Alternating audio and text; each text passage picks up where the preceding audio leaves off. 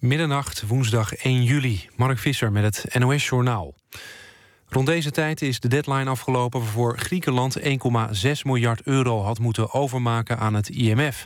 daarmee blijft het land in gebreken. Dat Athene niet aan de verplichting tot betalen zou voldoen... hing al in de lucht sinds premier Tsipras afgelopen week aankondigde... dat er komende zondag een referendum moest komen. Griekenland deed afgelopen dag een nieuwe poging om te onderhandelen over een derde steunpakket. Maar in een telefonische vergadering wezen de Europese ministers van Financiën het voorstel van de Grieken af.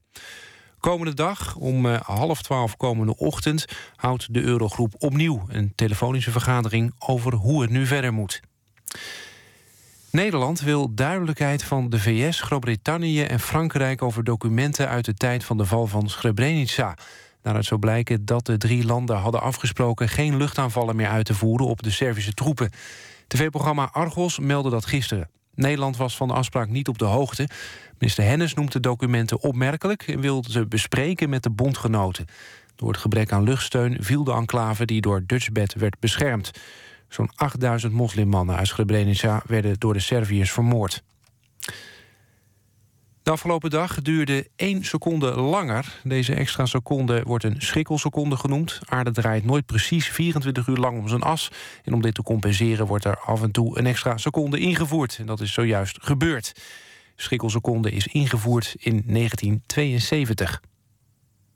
Dan nog het weer. Het is eh, helder vannacht en het koelt af tot ongeveer 15 graden. Overdag opnieuw zonnig en het wordt dan 27 graden op de Wadden... en 30 tot lokaal 33 landinwaarts. Donderdag, vrijdag en zaterdag blijft het zeer warm. Er zijn ook onweersbuien dan mogelijk. Dit was het NOS Journaal. NPO Radio 1. VPRO. Nooit meer slapen.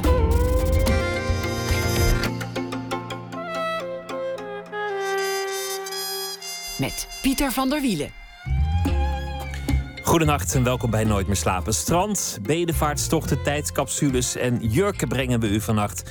Thomas Heerma van Vos draagt zijn beschouwing bij de afgelopen dag voor na één uur. Judith van Istendaal maakte een stripalbum over de tocht naar Santiago de Compostela. Theatermaker Casper van de Putten maakt een tijdscapsule voor de tentoonstelling Summer of 96. En we gaan kijken naar kunst op het strand van Katwijk. Maar allereerst komend uur Monique Collignon. Twee shows zal zij presenteren komende week bij, het, uh, bij de Amsterdam Fashion Week. Een nieuw kantoor, een nieuwe collectie, een uh, nieuw atelier en een nieuwe koers.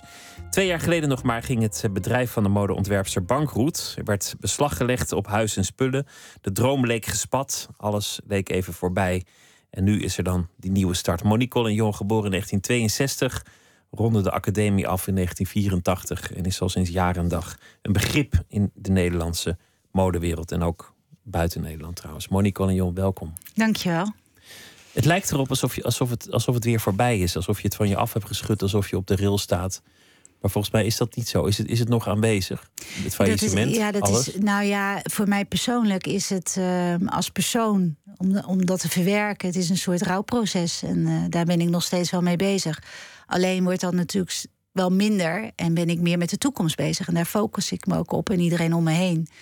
En dat is ook waar we naartoe gaan. We hebben niks in het verleden in principe. We moeten naar de toekomst. En maar, maar het rouwproces, echt alsof er iemand is, is overleden... of als er een liefde vandoor is gegaan, zoiets? Ja, ik moet je eerlijk zeggen, dat heb ik niet zelf bedacht. Maar Wilma Nanninga heeft dat destijds tegen me gezegd. En toen dacht ik, ja, want toen was ik natuurlijk zo verdrietig... en Hè, uh, allemaal. En op een gegeven moment dacht ik, ze heeft gewoon gelijk. Die alle stadia waar ik doorheen moest. En daar um, kunnen mensen je niet echt bij helpen. Daar moet je ook zelf doorheen. Het, is, het was natuurlijk een soort, ja, ik zeg wel eens een baby van me. Dat klinkt een beetje theatraal, maar uh, als je natuurlijk uh, zo jong was als ik en al precies wist wat ik wilde gaan doen. En uiteindelijk naar de middelbare school, de academie en, hè, en het ben gaan doen. En daar alles voor heeft gegeven. En dat maak je dan mee. Dan is er wel, dan word je wel even uit elkaar gerukt.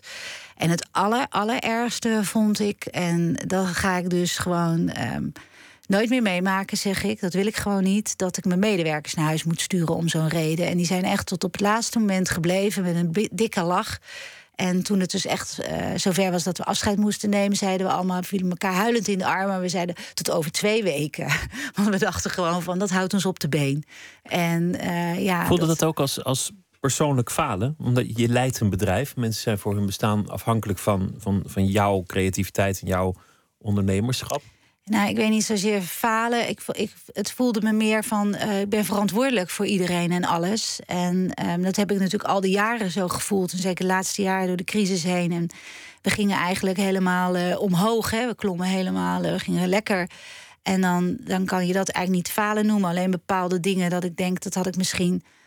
als ik nu terugkijk, eerder moeten ingrijpen, alle anders moeten zien. Aan de andere kant, ja, weet je, als je een kristallen bol hebt, zeg ik altijd, dan is het lekker makkelijk. Dan zou iedereen het doen als je weet dat het uh, meteen allemaal gaat zoals je wil gaan. En dat, uh, ja, ja, we hadden toevallig te maken natuurlijk met iets uh, waar ik op dat moment niks meer tegen kon doen. En dat is dan heel erg jammer. En... Het, was, het was een van de, de, de mensen die er financieel in zat, die trok zich terug. En, en nou ja, dan op een gegeven moment gaat het schuiven. En het was ook crisis. Heel veel modeontwerpers hebben ermee te maken gehad. Ja, niet alleen modeontwerpers natuurlijk. Nee, maar, maar daar hebben we het dan toevallig nu over. Marlies Dekkers heeft er last van gehad. Hans Ubbink heeft er uh, last van gehad. Er werd even gefluisterd, want, want er werd beslag gelegd op je, op je spullen, op je, op je paard, op je, op je huis, geloof ik. Uh, het, het, kwam heel dichtbij in, jou, in jouw leven. Ja, dat is iets wat, wat uh, um, normaal, dat kan helemaal niet gebeuren, zou je zeggen, in Nederland. Hè, want het is een BV. En uh, dat kan alleen maar bij bestuursaansprakelijkheid, wat natuurlijk niet, waar geen sprake van was. Laten we daar even helder in zijn. Dat heeft de curator natuurlijk ook onderzoek naar gedaan. En heeft de rechtercommissaris, het visement is gesloten. En dat wist ik ook wel. Ik denk, ik heb natuurlijk geen rare dingen gedaan. Ik heb niet lopen, hè, dingen lopen doen die niet horen, zeg maar. Ik heb alleen maar kaart gewerkt. En al mijn aandeelhouders wisten dat ook. En die hebben daar ook natuurlijk gewoon, uh, staan daar ook zo in. En dan gebeurt dat toch. En dat is, uh, ja, om, het is heel juridisch allemaal. Maar dat wil niet zeggen dat de andere partij daar maar gelijk uh, recht op heeft. Dat moet dan nog maar voor de rechter. En dat is voor de rechter geweest. En de rechter heeft gewoon mij in het gelijk gesteld. En klaar, boem. Dus, maar dat komt wel als er een beslag wordt gelegd op je 26-jarige paard, want daar hebben we het over. Dan is dat net alsof er beslag wordt gelegd op je kind, zeg maar. En dat is heel heftig. Want daar wil ik het straks ook met je over hebben, uh, over, over de betekenis van, van je paard. Want dat is, dat is iets wat voor jou heel belangrijk is, dat paard. Ik bedoel, iedereen heeft iets wat hem, wat hem het meest dierbaar is. Voor, voor iemand anders zal het een piano zijn of, of, of, of, een, uh, of een schilderij. Of nou ja, of, of een, een, kind, waarom ook niet? Ik geloof niet dat ze ooit beslag op kinderen leggen, maar misschien komt dat nog als, als de economie wat meer de overhand dat, dat zou echt de wereld op zijn kop zijn natuurlijk. Dat was dit ook al. Maar het meest maar, eh, dierbaar is natuurlijk geven, Jan Henny. Je, je, man. Ja, uiteraard. Maar het kwam, het kwam heel dichtbij en er werd eigenlijk ook wel een beetje uh, gezegd van, nou ja, het is voorbij. Oh, is dat zo? Ja, zie je, ik zie het glas driekwart vol. Dus, uh, Heb je dat nooit gedacht? Het nee, is voorbij? Nee. Ik heb natuurlijk wel heel erg, uh, want ik werd, was natuurlijk heel verdrietig en, en heel boos. Ik werd recalcitrant en uh, al die stadia doorheen gegaan met de nodige emoties. Maar um, luister, het is mijn vak en mijn passie en uh, mijn talent, denk ik. Dus uh, nee, ik heb nooit gedacht het is voorbij. En laat ik je dit zeggen, hoe meer mensen dat misschien roepen, hoe harder die stier hier gaat vechten. En um, het, it ain't over till I say it's over, weet je wel. Dus ik denk dat dat voor een hele hoop mensen geldt. Als je dat laat gebeuren, dat anderen uh, zoveel macht over je krijgen... door dat te denken dat je dan in de put gaat zitten of zo... dat dacht ik niet. Dus uh, weet je, het leven is te leuk. Ik heb te veel leuke, lieve mensen om me heen. Ik heb ook klanten die me gewoon uh, zeiden van... ik hoop dat zo snel mogelijk die ook me trouw bleven overigens. Maar ook mensen die gewoon opbelden en zeiden... ik vind dit zo, wilt u mijn naam en telefoonnummer en mijn adres noteren... want ik word straks meteen klant bij u als u weer begonnen bent. Ja, en dat is zo ontzettend lief. Dus dan denk ik, dat is altijd nog de meerderheid. En doemdenkers, heb ik niks mee. Wat, wat was het moment dat je wist en wat heeft je op de, op de been gehouden dat je dacht, ik, ik ga gewoon door, het, gaat me lukken? Maar wat, wat deed jou die crisis verslaan? Nou, moet je wel zeggen, uh, toen het net uh, het bericht me net bereikt had dat Jan Henny me had gebeld en al het bloed uit me werd weggetrokken natuurlijk. En heb ik meteen, uh, ik heb de bank gebeld, die zei maar Monique, ja, knap waardeloos voor je, maar je gaat toch gewoon door, dan praten we later verder. Mijn aandeelhouders gebeld en een daarvan zei meteen, Monique luister, uh, waar jij ook gaat, je verliest nooit je creativiteit. Die neem je altijd met je mee. En uh, wij zijn overal bij geweest. We hebben aan de zijlijn gestaan. We hebben gezien hoe hard jullie hebben gewerkt. ja, daar kan je niks. we vinden het vreselijk voor jullie, maar je moet gewoon daaraan denken. Waar je ook gaat, neem je creativiteit mee. En de andere die zei: Monique, kop op, knap lullig, maar gewoon weer doorgaan. Hupse ik wil niet anders horen en ik wil niet anders zien. En dat soort uh, steun natuurlijk, dat is van onschatbare waarde. En ik heb laatst tegen een van hun dat verteld, van die, van die creativiteit en hoe belangrijk dat voor me is geweest. Dat dat steeds een soort rode draad, als ik het even niet meer zag zitten. En alles heb ik natuurlijk 60.000 keer door mijn hoofd laten gaan. En ook wat ik zelf heb gezegd en gedaan en noem maar op. kwam dat steeds voorbij. En toen dacht ik op een gegeven moment, wauw. En toen kwam het moment dat ik ineens voor mezelf dacht van ik heb het witte blaadje en dat potlood dit is wat ze bedoelen. Weet je wel? En ik heb alleen dat rugzakje met al mijn ervaring, et cetera, et cetera. Maar ik mag weer zelf invullen waar ik naartoe ga. En ik hoef niemand verantwoording af te leggen. Maar dat is iets wat je altijd hebt. Dus je kunt elk moment beginnen, je kunt elk moment werken, je kunt altijd Precies. aan de slag als je maar een, een potlood en een vel hebt en je weet dat wat jij kunt, namelijk het maken van kleren, het maken van bijzondere ontwerpen, dat dat altijd er zal zijn. Want dat heeft zich al bewezen dat dat zo is. Ja, dat klopt ook. En dat is uh, op een gegeven moment kwam het Holland Casino kwam al heel snel om de hoek. Omdat ze mij wilden hebben, in ieder geval voor een pitch met de ontwerpen. Voor een, nieuwe, voor een nieuwe lijn. En daar hebben ze echt de best voor gedaan. Want eerst was ik helemaal niet geïnteresseerd. En toen ging ik het ook leuk vinden. Want ik dacht, wat een leuke mensen zijn dit. We moeten toch op zijn minst even mee gaan praten uiteindelijk heeft, uh, want de mensen uit het casino mochten meekiezen en die, uh, die hebben geen naam gezien en zo. En toen hebben ze echt unaniem voor me gekozen. Dus ja, dan gaat dat wedstrijdgevoel bij mij weer. Dan gaat het bloed uh, de goede richting heen kolken. En toen dacht ik van ja, maar dan wil ik ook het diploma en het feestje. En het is ook een ontzettend leuk feestje met ze geworden en nog steeds. En uh, daardoor dacht ik ook, ging daarvoor ging ik ontwerpen. En de eerste, voor, voor die pitch ging ik de eerste dingen op papier zetten. Ik had niks meer. Dus ik ging met een paar euro uh, naar een winkel dichtbij om wat tekenpapier te halen. Dat is waar gebeurd. En een potlood en een gummetje. En ik ging aan de slag en ik zag ineens Jan Henny helemaal naar me zitten lachen. En ik zei, wat zit je nou te lachen? Maar ik stond heel driftig te tekenen en gewoon weer heel academisch op één vel uh, heel veel ontwerpen te tekenen. En toen zei hij, ik vind dit geweldig om te zien, want je bent weer helemaal aan het genieten. Je bent weer echt aan het genieten van het ontwerpen. waarschijnlijk ben je dan ook een leukere vrouw als je waarschijnlijk waar je goed in bent. Ja, ja, ja waarschijnlijk wel, mag ik hopen. En uh, alhoewel ik van de week ineens dacht, nou lijk ik wel uh, die jongen die ineens verandert in Joan Collins in die reclame. Toen moest ik heel erg bij mezelf lachen, maar toen was het gewoon te veel, weet je wel, iedereen. Maar ik dat ken is die reclame niet. Ja, dat is met een, uh, met een candybar, zeg maar. En dan uh, zeggen ze zoiets van... Uh, hier, neem die candybar, want ik zal de naam niet noemen... want je bent altijd zo onuitstaanbaar als je, als je honger als je hebt. Honger, als je bloedsuiker maar het was bij mij niet met honger, maar het was gewoon iets te veel met iedereen. maar dit heeft natuurlijk gewoon nu met de drukte te maken. En het is alweer voorbij hoor, want het is hartstikke leuk. Ik ben vanmiddag wezen kijken in, in je nieuwe atelier, de, de, de, plek waar het nu gebeurt. Twee shows komen eraan. Eén echt voor, voor de kunst, zeg maar. De, de, de haute cultuur, wat echt voor de catwalk gemaakt wordt. Eén volgens mij iets, iets meer toegankelijk. Iets wat mensen ook Heel zouden toegankelijk, dragen. Ja. Wordt ontzettend hard gewerkt. Een, een jong team die, die, die echt zitten te beulen. Twee deadlines. Wat me opviel, is dat jij ongeveer zes ogen hebt als je door je atelier loopt. Dat je alles ziet. Er was ergens een strijkijzer dat iets te lang op iets bleef liggen. Helemaal aan de andere kant van de ruimte.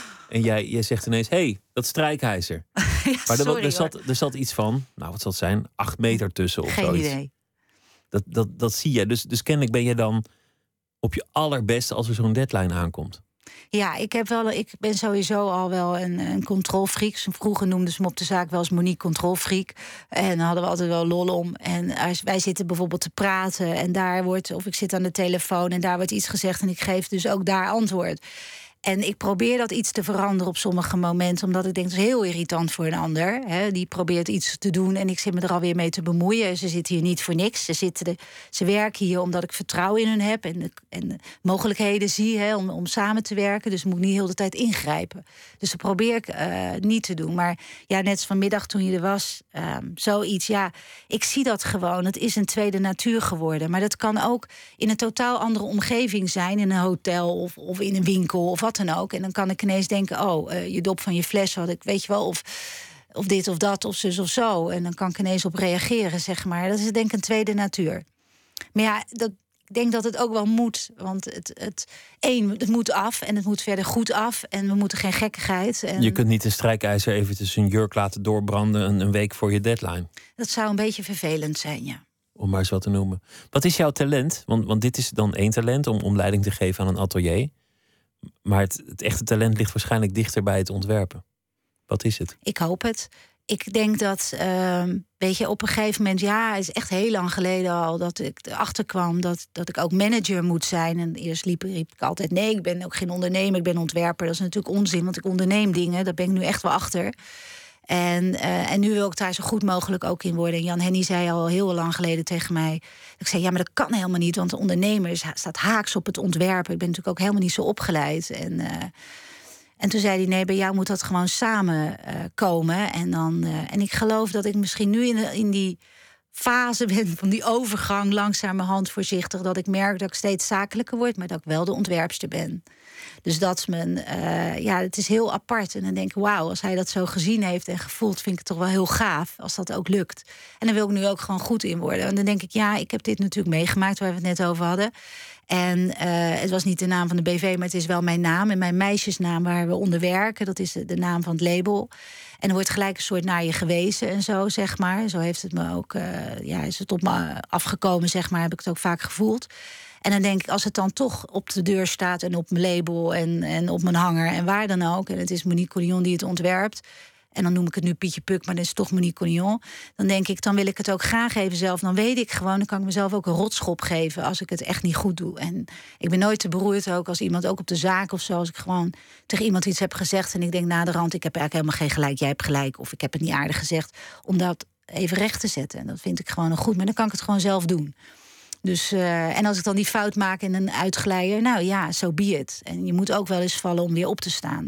Je kan niet, ik geloof niet, niemand uh, heeft een lang leven met alleen maar huppelen door het leven. We maken allemaal dingen mee. En voor de ene is het dit en voor de andere is het dat. En helaas, sommige mensen iets meer dan een ander. Maar ik denk wel dat, ja, what doesn't kill you makes you stronger. En wat is er veranderd? Wat is de ballast die je hebt afgeworpen? Ja, Zijn er dingen waar je zegt van nou dat deed ik toen en eigenlijk ga ik dat nu niet meer doen, want, want nu ik er toch vanaf ben, laat ik het ook maar? Het is nu echt, ik zet koers op de manier waarop, vind, waarop ik vind in eerste instantie dat we koers moeten zetten. Uiteraard met Jan Henny daar natuurlijk, maar die vindt dat dat ook moet. Dat hij zegt van, je hebt altijd uh, dat en dat zo geambieerd en gezien. En in die jaar is natuurlijk langzamerhand you go with the flow, weet je wel. En dus neem je wel eens maatregelen en op een gegeven moment, eh, omdat je de mensen hebt werken om het pand te betalen, om dit en nu denk ik van natuurlijk moet dat en we moeten heel zakelijk zijn, want ik wil een gezond bedrijf opbouwen en, uh, en het liefst zo groot en internationaal mogelijk. Hoe leuk zou dat zijn? Maar daar moet je bepaalde maatregelen voor nemen. Uh, moet je ook voor kunnen ondernemen en ook het lef hebben, denk ik, om bepaalde dingen te doen en te zien met het volle verstand. En wat ik niet meer zou doen, is me laten leiden door iedereen die dan zegt: maar je moet omzet maken, je moet omzet maken. En ik heb me echt, echt de blubbers gewerkt. En dat vond ik helemaal niet erg. Maar op een gegeven moment kan je zo uitgewoond raken. En als je dan zoiets meemaakt en je blijft ook met niks achter, je krijgt ook nog een bak stront over je heen. Nou, mind you, weet je. Ik bedoel, uh, binnen seen it, done it, zeg maar. Uh, dat wil ik niet meer zo. Dus ik wil echt doen zoals ik nu denk uh, dat, ik, dat we de koers moeten zetten. Uiteraard bijgestaan door heel veel mensen die heel wijs zijn en me daarin kunnen steunen. Of zeggen van je moet misschien hier aan denken of daar aan denken. Maar het leuke is dat ik zie dat ik alle mensen op ons pad krijg die gewoon dat, dat zien wat ik bedoel. En, en echt uh, heel, hele slimme mensen zijn. En ook hele zakelijke mensen. Maar die snappen van daar moet jij heen. En dat kan wel eens inderdaad dat worden wat je ziet. En uh, dat is heel belangrijk, die steun ook. Die sfeer zag er, uh, zag er goed uit. Volgende week twee shows. maar ik wil het natuurlijk straks hebben over ja, wat je eigenlijk maakt en, en, wat het eigenlijk is, mode. En, en, en waar het voor, volgens jou eigenlijk over gaat. Maar we gaan eerst luisteren naar een, een band met Twee broers, Cayucas is de naam van de band uit uh, een buurtplaatsje van San Francisco. En het nummer heet Ditches.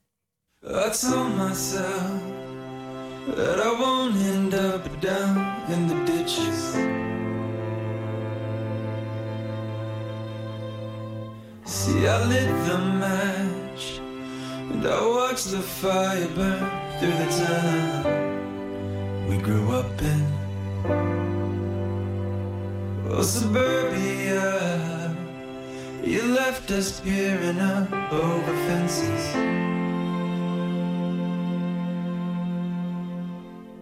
Off a diving board, jackknife into the deep end. hesitation.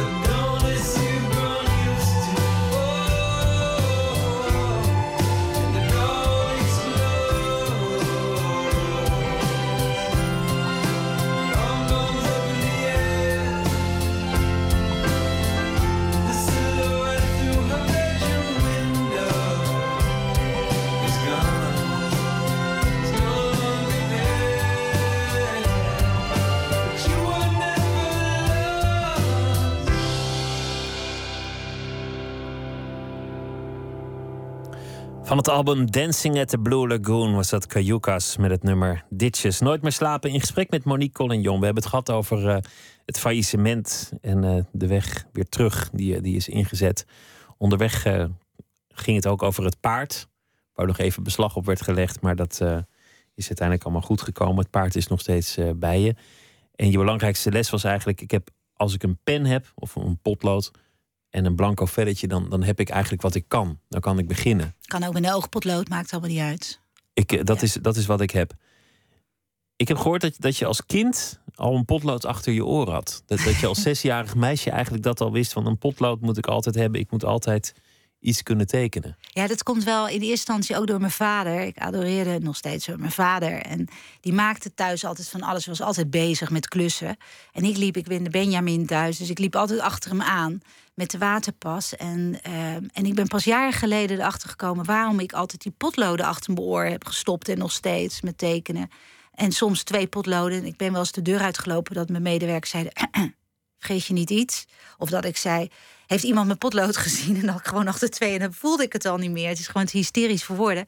Maar het is gewoon dat ik als kind, mijn vader, weet je wel, die was dan iets aan het tekenen op de muur of zo. En die stopte zo'n rood cilinderachtig eh timmermanspotlood achter zijn oor. Ik heb natuurlijk niet anders gezien, dus ik wilde dat nadoen. Dat vond ik stoer natuurlijk. Maar wist je toen al dat je heel goed kon tekenen? Ja, toen ben ik op een gegeven moment... Ik was ook altijd bezig met straattekenen en, en gewoon tekenen. En eh, op een gegeven moment ging natuurlijk ook eh, figuurtjes tekenen, kleding tekenen. En mijn moeder had dat dan weer door. En mijn moeder kon ook alles maken, maar dan op kledinggebied. En die had ook vroeger, had je in haar tijd niet naar de, kon je niet naar de academie en noem maar op. Maar toen is zij eh, allerlei diploma's gaan halen op lingeriegebied, op kostuumnaaien. En ik heb ook van mijn vader een paar van die diploma's gekregen. Mijn moeder leeft helaas niet meer. En eh, ja, en dan ging zij, of zij maakte de kleding en eh, maakte ze het patroon. En als ze geen patroon had, maakte ze zelf dus het patroon. Als ze geen patroonpapier had, maakte ze het voor kranten. Waar geen kranten knipte ze zo de stof à la Nina Ricci. En ik heb dus niet anders gezien. En ik ben, ik, mijn moeder zag bij mij dat talent. En mijn zussen hebben allemaal een bepaald talent. Zijn allemaal creatief. Want je hebt er drie, hè? Zussen? Ja, ik heb drie zussen. Maar ik heb... Geen eh, broers. Nee, mijn zwagers zijn wel mijn broers, moet ik eerlijk zeggen. Ik was zo Een jong. beetje jong, geworden. Ja. ja, ik was heel jong. Toen kwam de eerste Fred al eh, in de familie. En, eh, ja, en, en, Heet ze allemaal Fred? Nee, Fred, Bas en Peter. Nee, het zou heel toevallig Zou zijn. zijn? Ja, nee, en eh, dat, dat zijn eigenlijk wel mijn broers. En dus dat is heel speciaal. Maar ja, ik was daar altijd mee bezig. En op een gegeven moment dacht ik, ik wil naar de toneelschool. Ik wil eh musicalster worden à la Barbara Streisand. Dat vond ik helemaal te gek. Of ik wil de mode in en dan wil ik een Coco Chanel worden. En mijn moeder zag dat ik toch meer talent had.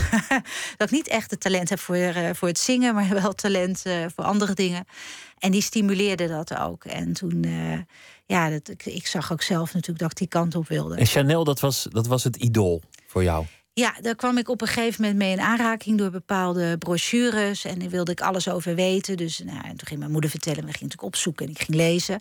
En langzamerhand kwam ik daar steeds meer over te weten. En ik dacht gewoon, ja, dat wil ik. Ik zat er natuurlijk helemaal eh, verlekkerd naar te kijken, et cetera. Maar ook naar filmsterren en noem maar op. Wat, wat, wat jonge meiden of jongens die in de modewereld... dan eigenlijk hoor je diezelfde verhalen. Ik heb alleen nooit een Barbie aangekleed. Dat heb ik pas op veel langere, latere leeftijd gedaan... eh, toen ik al eh, werkte. Maar ik was wel altijd mee bezig. Ik ging eigenlijk gelijk maken, ook voor mezelf. En uh, dus of mijn moeder maakte het nog. Op een gegeven moment zette ze een naaimachine op tafel. Dat was nog een handdraaimachine. En dan ging ze vertellen hoe die werkte. Van nou, probeer maar Monique, hier heb je stofjes. En ga maar eens even proberen recht te stikken en noem maar op. Nou ja, en op een gegeven moment ontwierp ik mijn eerste polkadotpak. En die heeft mijn moeder dan voor mij gemaakt. En uiteindelijk ging ik voor mijn moeder ook dingen ontwerpen en, en maken. En... en zo kwam je op de academie.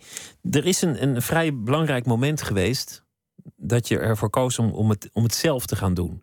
Want je, want je zei, ik was een enorm fan van Chanel. Van, van, van, niet zozeer van het merk, maar vooral van de legende van Coco Chanel. Ja. Je had natuurlijk daar kunnen solliciteren. Of, of bij een ander groot merk in Parijs gaan wonen. Deel uitmaken van, van de modewereld. En daar ergens onderaan de ladder beginnen en, en je omhoog werken in zo'n, in zo'n bedrijf. Ik vraag me ook vaak af, hoe komt het dan dat ik dat niet heb gedaan? Waarom dacht ik, ik dacht ik ga naar Chanel. Chanel was op dat moment, er werd niet echt meer creatieve leiding aangegeven. Dus je had het Chanel pak, maar dan hield het een beetje op. En je had natuurlijk de parfum en noem maar op.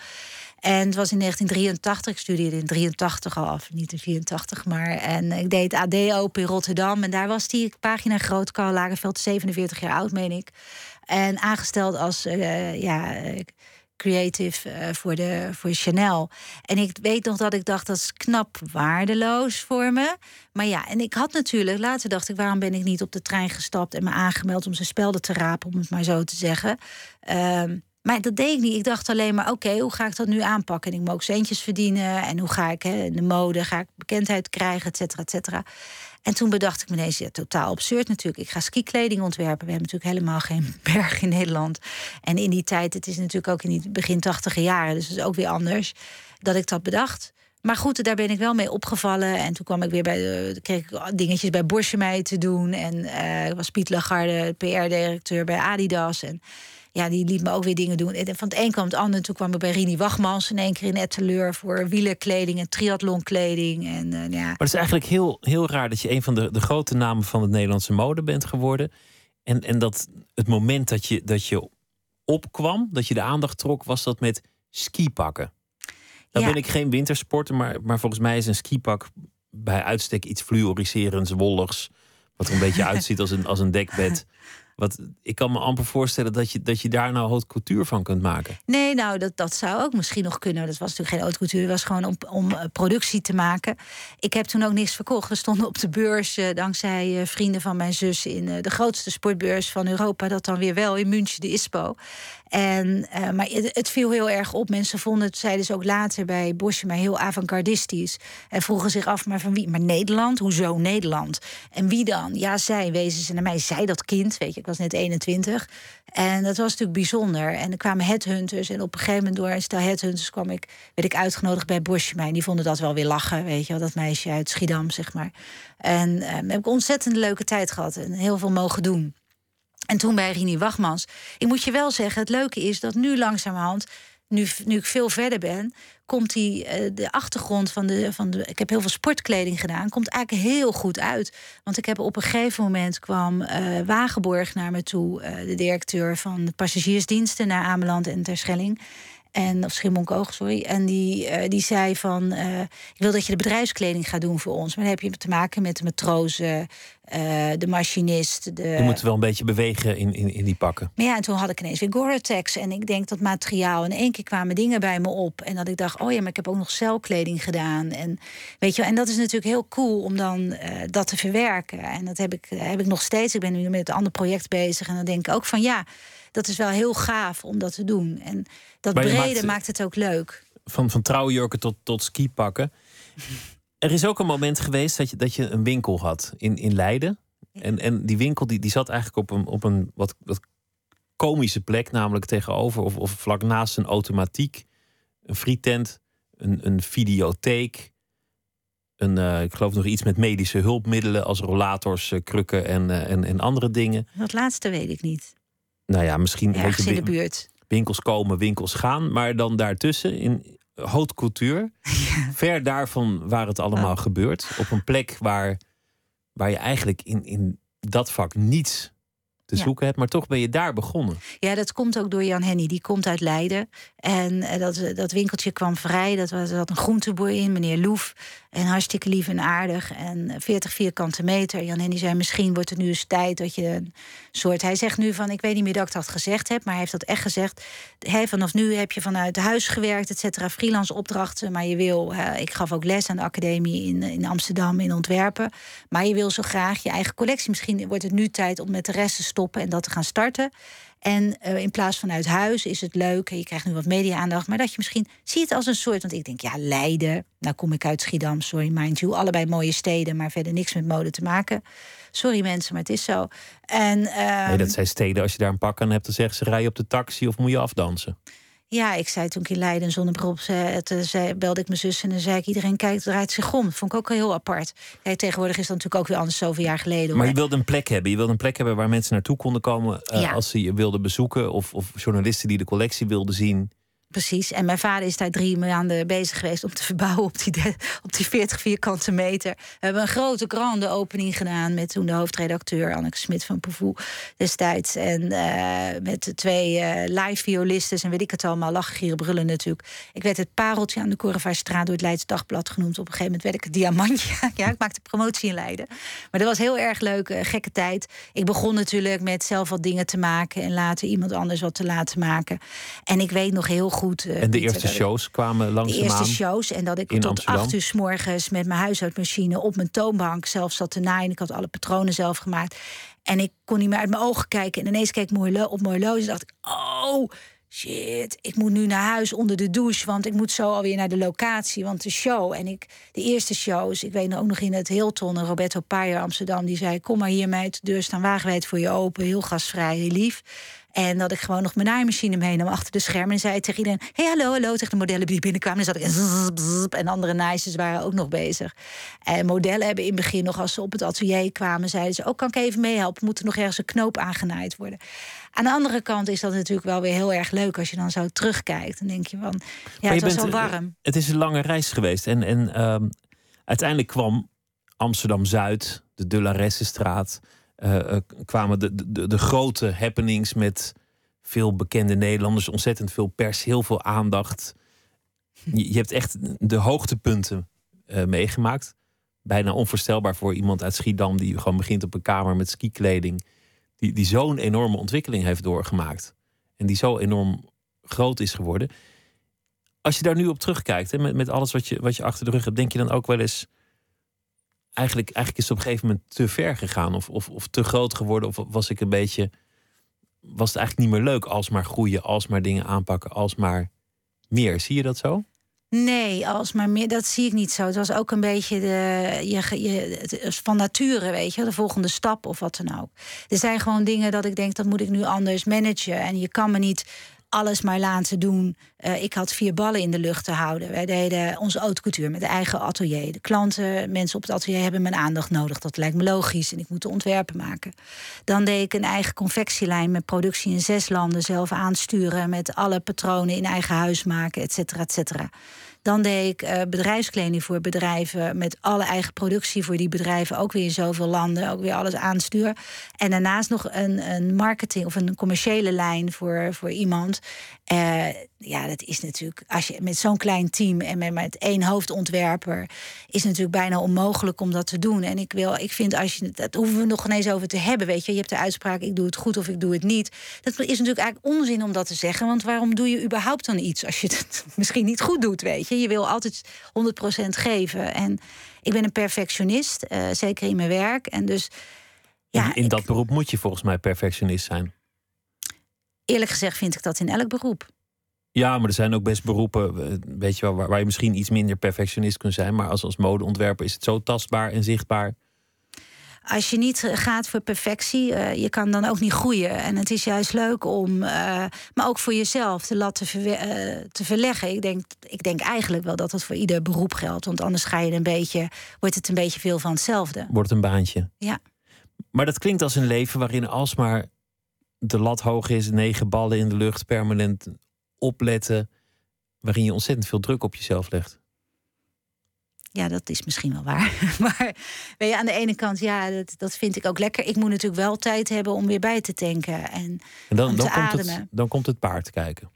Dat is de afgelopen jaren eh, eigenlijk bijna alleen maar... eh, naast de tijd die ik natuurlijk met Jan Henny doorbreng... maar mijn paard geweest. Ja, de enige vrije tijd die ik had... was s'avonds met mijn paard. En daar is niks van gelogen. Gewoon elke dag een, een uurtje rijden op, op je paard. Ja, of met hem spelen, voetballen. eh, Voetballen. Ja, ik heb hem voetballen. Dat kunnen paarden, als, eh, dat heb ik hem ook geleerd. En eh, ja, dan lig ik echt helemaal in een deuk, Pieter. Maar als we nu over een paard hebben, dan kunnen we nog drie uitzendingen doen hoor. Want ik ben echt, mijn paard is, is zo ontzettend leuk. En weet je, hij geeft me zoveel. Hij communiceert ook op zijn manier met me. En daar moet je voor openstaan natuurlijk. Daar moet je hè, geduld voor hebben en weten te zien. Maar ik vind hem zo geweldig. Hij heeft zo enorm karakter. Wat natuurlijk ook voor mij heel goed is. Want op Spirit kan ook zeggen, nu even niet.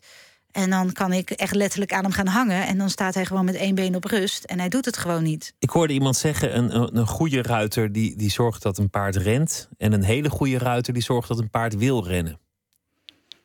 Met andere woorden, je hebt een band met dat paard.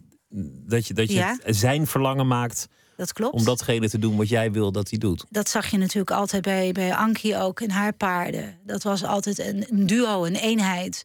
En wat zij met haar paarden eh, heeft en altijd heeft gehad, dat vind ik zo fantastisch en door heel veel mensen nog onderschat. En hoe zij met haar paarden omgaat. En ik denk dat is ook de enige manier. Een paard moet het voor je willen doen.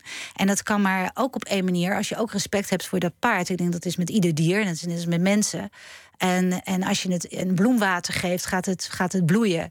Dus als je je paard ook de aandacht geeft. En wat je erin stopt, krijg je eruit. Ik bedoel, dat heb ik allemaal niet zelf verzonnen. Maar het werkt dus wel zo. Dat is een heel vak, eh paardenfluisteraar. Maar toen, in die hele periode, was, was dat een van de dingen die, die voor jou ehm, eigenlijk ervoor zorgde dat, dat je gewoon bij, ja, met je benen op de grond bleef.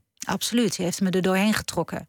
En, Maar heb je dan ehm, ook de, indruk dat het paard doorheeft dat er iets met jou aan de hand is? Dat je anders Ja. op dat beest zit en dat hij, dat hij jou troost of. of, of eh, Ja, paard heeft dat door. Die is heel gevoelig en, en haar spirit is zeer sensitief. En die heeft heel goed door. Ook als ik, ik ook al probeerde ik wel eens iets of verdriet te, weet je wel, eh, gewoon doen. Hey, high spirit, weet je wel. Maar mijn hart huilde, zeg maar. Weet ik zeker dat hij dat door had, omdat ik weet hoe hij op me reageerde bepaalde dingen. Ehm, en nu, nu ook bijvoorbeeld als ik wel eens gewoon te moe ben en hij denkt, nou, weet je wel, maar hij kan ook wel eens anders reageren. Dat hij juist, maar een paard is ook een spiegel van jezelf. Zoals jij op dat paard zit, dan, dan of eigenlijk. Ja, leg eens uit eigenlijk. Snap het niet. Nou ja, als ik gewoon eh, eh, fit ben en, en zin in heb en zeg hupse Casey, dan heeft Spirit er ook zin in. En als hij denkt van nou, ik heb nu even niet zo zin, dan, dan vindt hij, mijn Spirit die denkt dan soms vindt hij iets te moeilijk of hij heeft even echt geen zin. Dan gaat hij net doen of hij het niet snapt, zeg maar. Of dan wordt hij een beetje recalcitrant. Waarom ik dan weer om hem heel hard moet lachen. Want dan denk ik, wat een karakter, fantastisch. Dus dan is het aan mij om hem te overtuigen dat we het toch maar even gaan doen. Want uiteindelijk moet ik ook sporten. Wil ik nog een beetje fit blijven en een beetje normaal blijven uitzien. Dan zeg ik, hop, spirit voor jou, toepak, jongen. En je bent 26 op naar je 30ste. en dan wil je toch nog wel de George Clooney blijven van stal. Eh, dan moet je er ook wel wat voor doen. Dan kunnen we niet alleen maar spelen. Want je hebt ook wel eens een, een paardendiner gegeven, eh, vertelde je vanmiddag. ehm, ter ere van zijn verjaardag. Alle paarden aan een mooi gedekte tafel. Een, een, een soort paardensmoking Ja, hysterisch. voor Spirit. Is, is natuurlijk humor, maar dan wel in perfectie uitgevoerd. Ja, dat dan wel weer. Want we kunnen natuurlijk niet iets doen zonder het toch een soort professioneel aan te pakken. Dat is gewoon ook een, eh, soort eh, tweede natuur. Maar wel met, vooral met humor. En laten we dat voorop stellen. En eh, ik vond ook, ehm nou, op stal heeft iedereen zo ontzettend met ons en zeker met mij meegeleefd. En sommige mensen huilend om mijn nek, niks zeggend. Of alleen maar even mijn arm pakken, maar ook ondertussen. En weer met me praten. En, en weet je wel, eh, doorheen gesleept dat ik dacht van we moeten de slingers in het leven zelf ophangen. Want je kan blijven zitten wachten tot een andere doet, maar je het zelf doen. En ik dacht, hoe leuk is het? Hij wordt 25, wat een humor. We geven een groot eh, paardenbuffet. En daarnaast een, een, een feest gaan we organiseren voor iedereen om iedereen te bedanken. En ehm, iedereen heeft ook meegewerkt. Er zijn mensen, allemaal vrijwilligers, sponsoren. ehm, Prima Val bijvoorbeeld, dingen als je naam mag noemen, maar echt geweldig. Die allemaal hebben geholpen om, om het feest tot echt een feest te maken. En uh, aan een gegeven moment vriendinnen van mij, waaronder jullie eigen Maaike, als ik mag zeggen, heeft opgetreden voor, voor me. Maaike, de producer van dit programma. Ja, ook, ook een fantastisch paarden, natuurlijk, paardenmeisje. ja. Een Ja. paardenmeisje, puur zang. En, eh, maar ook een waanzinnige zangeres, mijn vriendin Beate, eh Sascha Brouwers en Hint, die, eh, die kwamen allemaal zingen. En wat eten die 150 paarden dan? Wortels en... nou, ik had hele schalen gemaakt. Ik had van die aluminium schalen, dus die maak ik dan op. En iedereen ging me helpen, maar dan wil ik wel graag zoals ik het doe. Want ja, daar zit een gedachte achter. Hè. We gaan niet alles maar zo op zo'n schaal donderen. Dat doe, je, vind, dat doe ik ook niet meer eten, weet je wel, voor jezelf. En ik wil ook dat die tafels dan zo gedekt zijn. En het waren steeds, ik weet niet precies, twaalf paarden tegelijk of zo, vijftien. En het was een soort shift. En Spirit werd af en toe even weggehaald. En kreeg niet zoveel, hè. Maar anders zou die koliek krijgen natuurlijk. Maar was wel steeds als gast hier bij zijn gasten. Aan de hoofd van de tafel. En eh, wat kregen ze? Wortels, appels erbij, muesli. Eh, ja, nog snoepjes, paardensnoepjes. eh, een Een, candy eh, bar. Allemaal gezond. een humoristisch plan tot, eh, tot de puntjes uitgevoerd. We gaan luisteren naar eh, The Gospel Sessions. Een Amsterdamse project is dat met de zangeres Michelle David. En het nummer heet I Want to Know.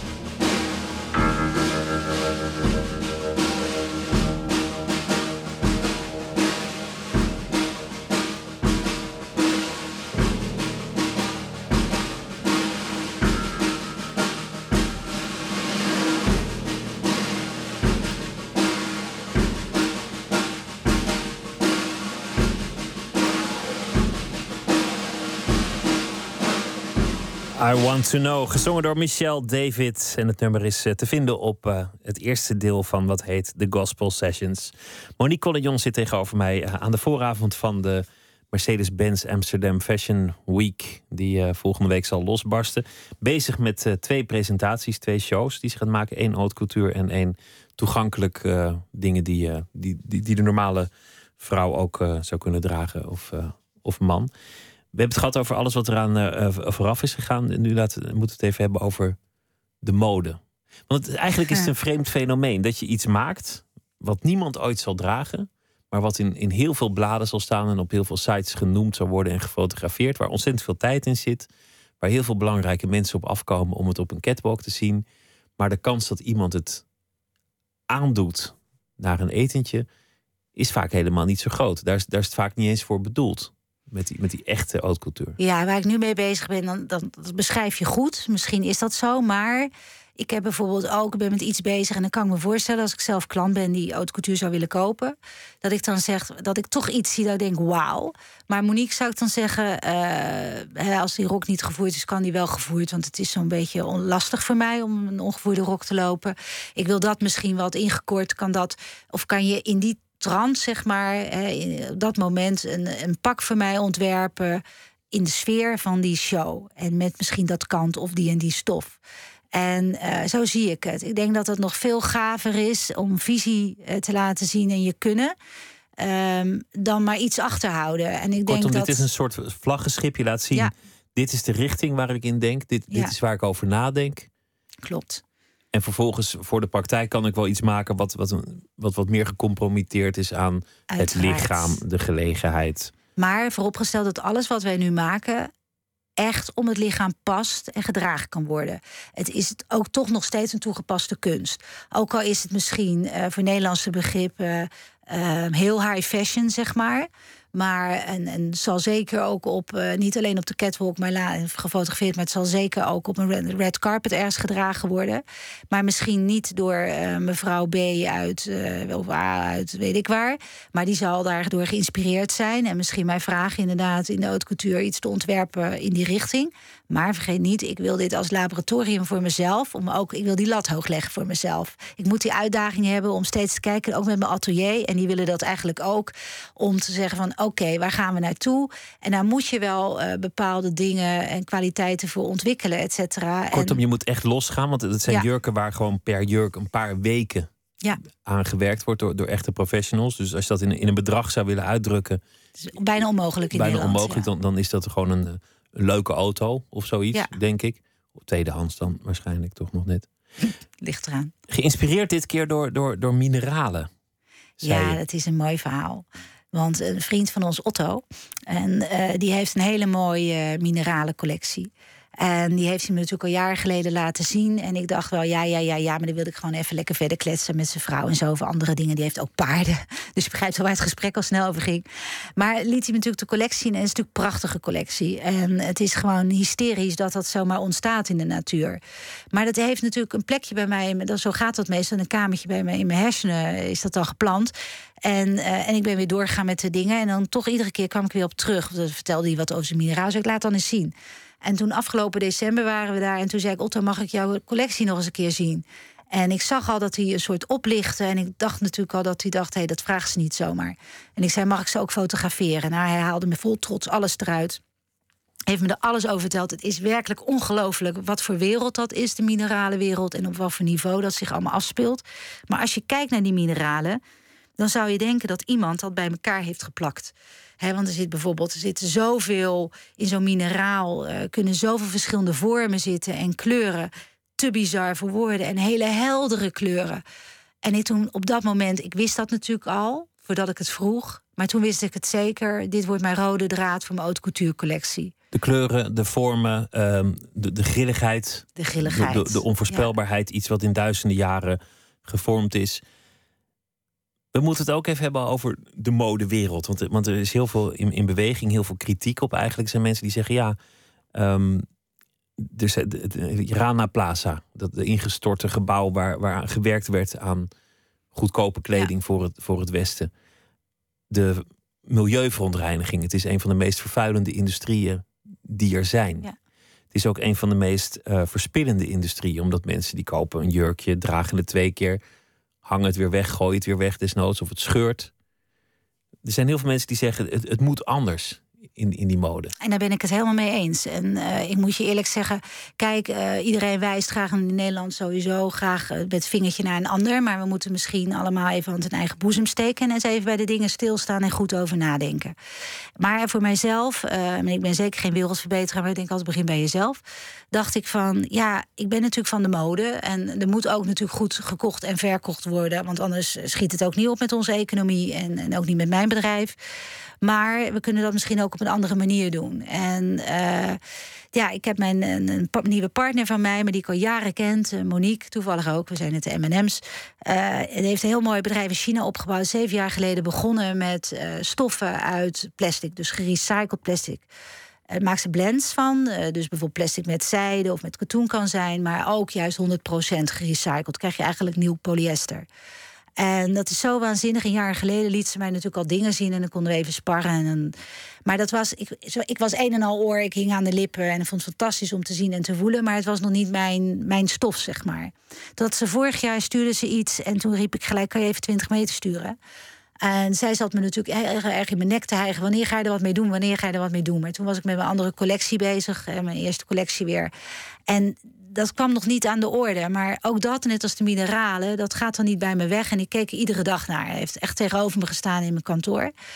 En totdat ik dacht van ja, nu wordt het tijd, want deze stof is zo schrikkelijk mooi. En Monique liet me natuurlijk ondertussen allemaal nieuwe stoffen zien. En doorontwikkeld, zeven jaar mee bezig geweest. Uh, je moet het kunnen dragen, het moet kunnen ademen op een gegeven moment. Je moet het kunnen wassen, reinigen en noem maar op. De voeringen moeten ernaar zijn. Zij is er heel strikt mee bezig. Ik vind het echt fantastisch. We gaan straks heel ver, want ze is zelfs al aan het denken van... zelfs onze kleding straks moet gerecycled kunnen worden. En je ziet het niet, hè? Want, want als je het zo vertelt, dan, denk, dan zou je denken... goh, dan, dan loop je in een soort oude boodschappentas of... of uh, Nee, dat is, is dat wel verstandig, maar het, het is gewoon textiel. Ja, het is fantastisch natuurlijk. Uh, die flessen die worden natuurlijk ingenomen. Die worden ontdaan van de, de, de doppen en de etiketten. Dan worden daar uh, um, fiches van gemaakt, zeg maar. wordt helemaal schoongemaakt. Natuurlijk, er komen chips van. En uit die chips worden uiteindelijk draden getrokken. En het is nieuw polyester. Zo moet je het zien, hè? De polyesterolie. En dus wordt nieuw polyester gemaakt. Daar kan je eigenlijk weer alles aan toevoegen wat je zou willen. Of je het draad is al zo sterk dat je dat alleen kan gebruiken.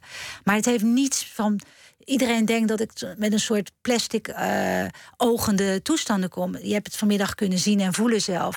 En ja, jij was ook helemaal enthousiast. Het zijn de meest fantastische heel zacht, materialen. Heel verfijnd materiaal. Ja, wat ik gebruik is nu heel zacht. En soms zijn het net satijnzijde. En ik was zo enthousiast dat ik heb gezegd... ik wil 70% van onze nieuwe collectie... of mijn nieuwe collectie bestaat nu uit, uh, uit waste to wear. Dus de recycled plastic. De andere 30% is allemaal maatschappelijk verantwoord. Erg belangrijk, want we willen geen instortende gebouwen uh, uh, uit zichzelf en dat soort dingen. Geen onderbetaalde mensen. Um, het moet gewoon allemaal goed zijn. En ik vind dat zo gaaf, vooral die stoffen ook. Dat ik dacht, ik wil daarmee een statement maken. En die moet ik ook gaan verwerken in mijn haute couture collectie. Dat is helemaal een stap, want dat is waar mensen geld uitgeven. Dus, dus als je dan een keer zoveel duizend euro uitgeeft voor een jurk, waarom zou je dan gerecycled materiaal uh, nemen. Dus, dus, dus Omdat dat... je gezond wil blijven en ook misschien dat visje zonder plastic uit de oceaan of de zee wil eten. En natuurlijk omdat de kleding je een goed gevoel geeft en misschien de moraal uiteindelijk ook. Uiteraard. Maar uiteindelijk is, is het de race van het ontwerpen steeds een nieuwe collectie. Zomer, winter. Elk jaar opnieuw. Een smal pijpje, een breed pijpje. Uh, nou ja, noem, noem maar op. Die veranderende mode. Dat is natuurlijk een deel van, van de druk die is opgebouwd, die ervoor heeft gezorgd dat het allemaal zo goedkoop moest. Dat er, dat er, dat er zo'n hevige concurrentie is. Waardoor nou, daar ben mensen... ik het niet helemaal met je eens. Want de druk is denk ik opgebouwd doordat er allemaal tussencollecties kwamen en mensen al uh, de collectie nog niet uitgeleverd of overal gaat hij al in de uitverkoop. En de mensen op straat vinden het allemaal maar heel gewoon en lopen dan te zeggen: zie je nog wel, dan wordt er zelfs nog op verdiend. En dat mensen het op een gegeven moment heel normaal gingen vinden dat ze op, voor 9 of 16 euro, wat je nu wel ziet, of 1,50 euro een onderbroek, weet je dat het heel normaal is om te kopen. En ik ben daar niet bij, dus ik kan er niet helemaal over oordelen. Maar het lijkt mij toch niet helemaal waarschijnlijk dat dat normaal is. Dat het maar kan. Want ik weet hoe het met productie gaat. En ja, er moeten toch ook mensen aan verdienen. En normaal, hè? Het moet meer kosten, eigenlijk. Natuurlijk. En als het uit het Verre Oosten komt met de invoerrechten en noem maar op, noem maar op, dan denk ik van jongens, dat kan niet goed gaan. Hè? Dan krijg je rupsje altijd meer en eh, dat is niet goed. Alles waar te veel voor staat, is nooit goed. En ik denk, dat is natuurlijk leuk met haute couture... want dat zijn stukken die eh, trendzettend kunnen zijn... maar beslist niet trendvolgend zijn. Hè. Dat is eigenlijk een stijl neerzetten. Dat is wat ik nu eigenlijk met mijn uh, confectiecollectie ook wil gaan doen. Maar uiteraard natuurlijk, en ik hou van mode... en, en mensen met mij die hè, toch weer ieder seizoen iets nieuws willen erbij. Maar ik vind, je moet wel nadenken wat je doet. Je kan ook gewoon... Het moet niet zijn uit een soort uh, idioterie van het nu kan het niet meer of zo. He, je moet gewoon, als je een goed pak hebt, heb je een goed pak. En dan kan je daar misschien over vijf jaar is het nog een goed pak. Of je moet Kortom, uitgegroeid zijn. Of Eigenlijk gewoon voor wat tijdlozere, klassiekere dingen gaan. Ja, en dan mag je best dingen bijkopen, uiteraard. Want de machine moet blijven draaien. Maar uh, wel graag met een beetje verstand erbij. En naar mijn mening moeten we ook gewoon weer terug naar een normale uitverkoopperiode, et cetera. Niet het hele jaar het- uitverkopen. Nee, dat is toch één, armoedig. En twee, het kan gewoon niet, jongens. Het moet een keer stoppen. En uh, ik denk dat mensen zich daarvan heel goed bewust moeten worden. En natuurlijk, iedereen houdt van een koopje hoor. Ik ook. En, en zeker toen, hè. ik wist er alles van. Maar um, sommige dingen kunnen gewoon niet. Volgende week gaat het uh, gebeuren, de twee shows. Uh, op de Amsterdamse Modeweek. Ja. Nog even één week heel hard werken. En, en dan, dan is het zover. En ja, vanaf dat moment is het gewoon weer begonnen. Hè? Gaat het gewoon ja, verder? het is heel apart. Ja, dan is er weer de day after en dan gaan we gewoon weer verder. Want dan, dan moet de confectiecollectie natuurlijk verkocht gaan worden meteen al uh, voor 2016. De inkoop is begonnen.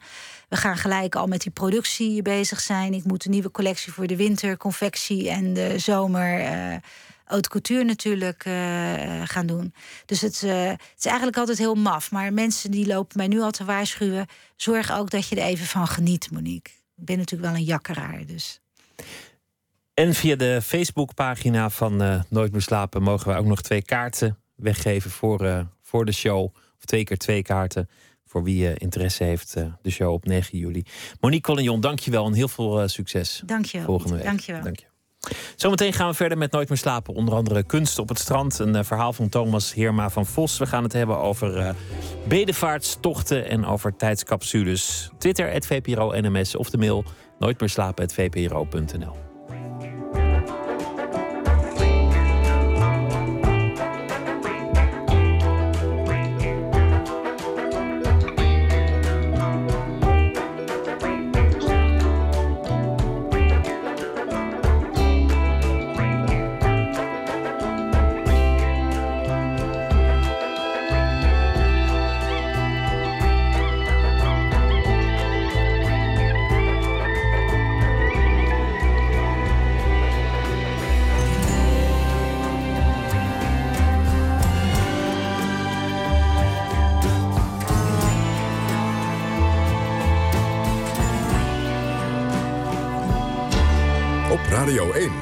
Nieuws van alle kanten.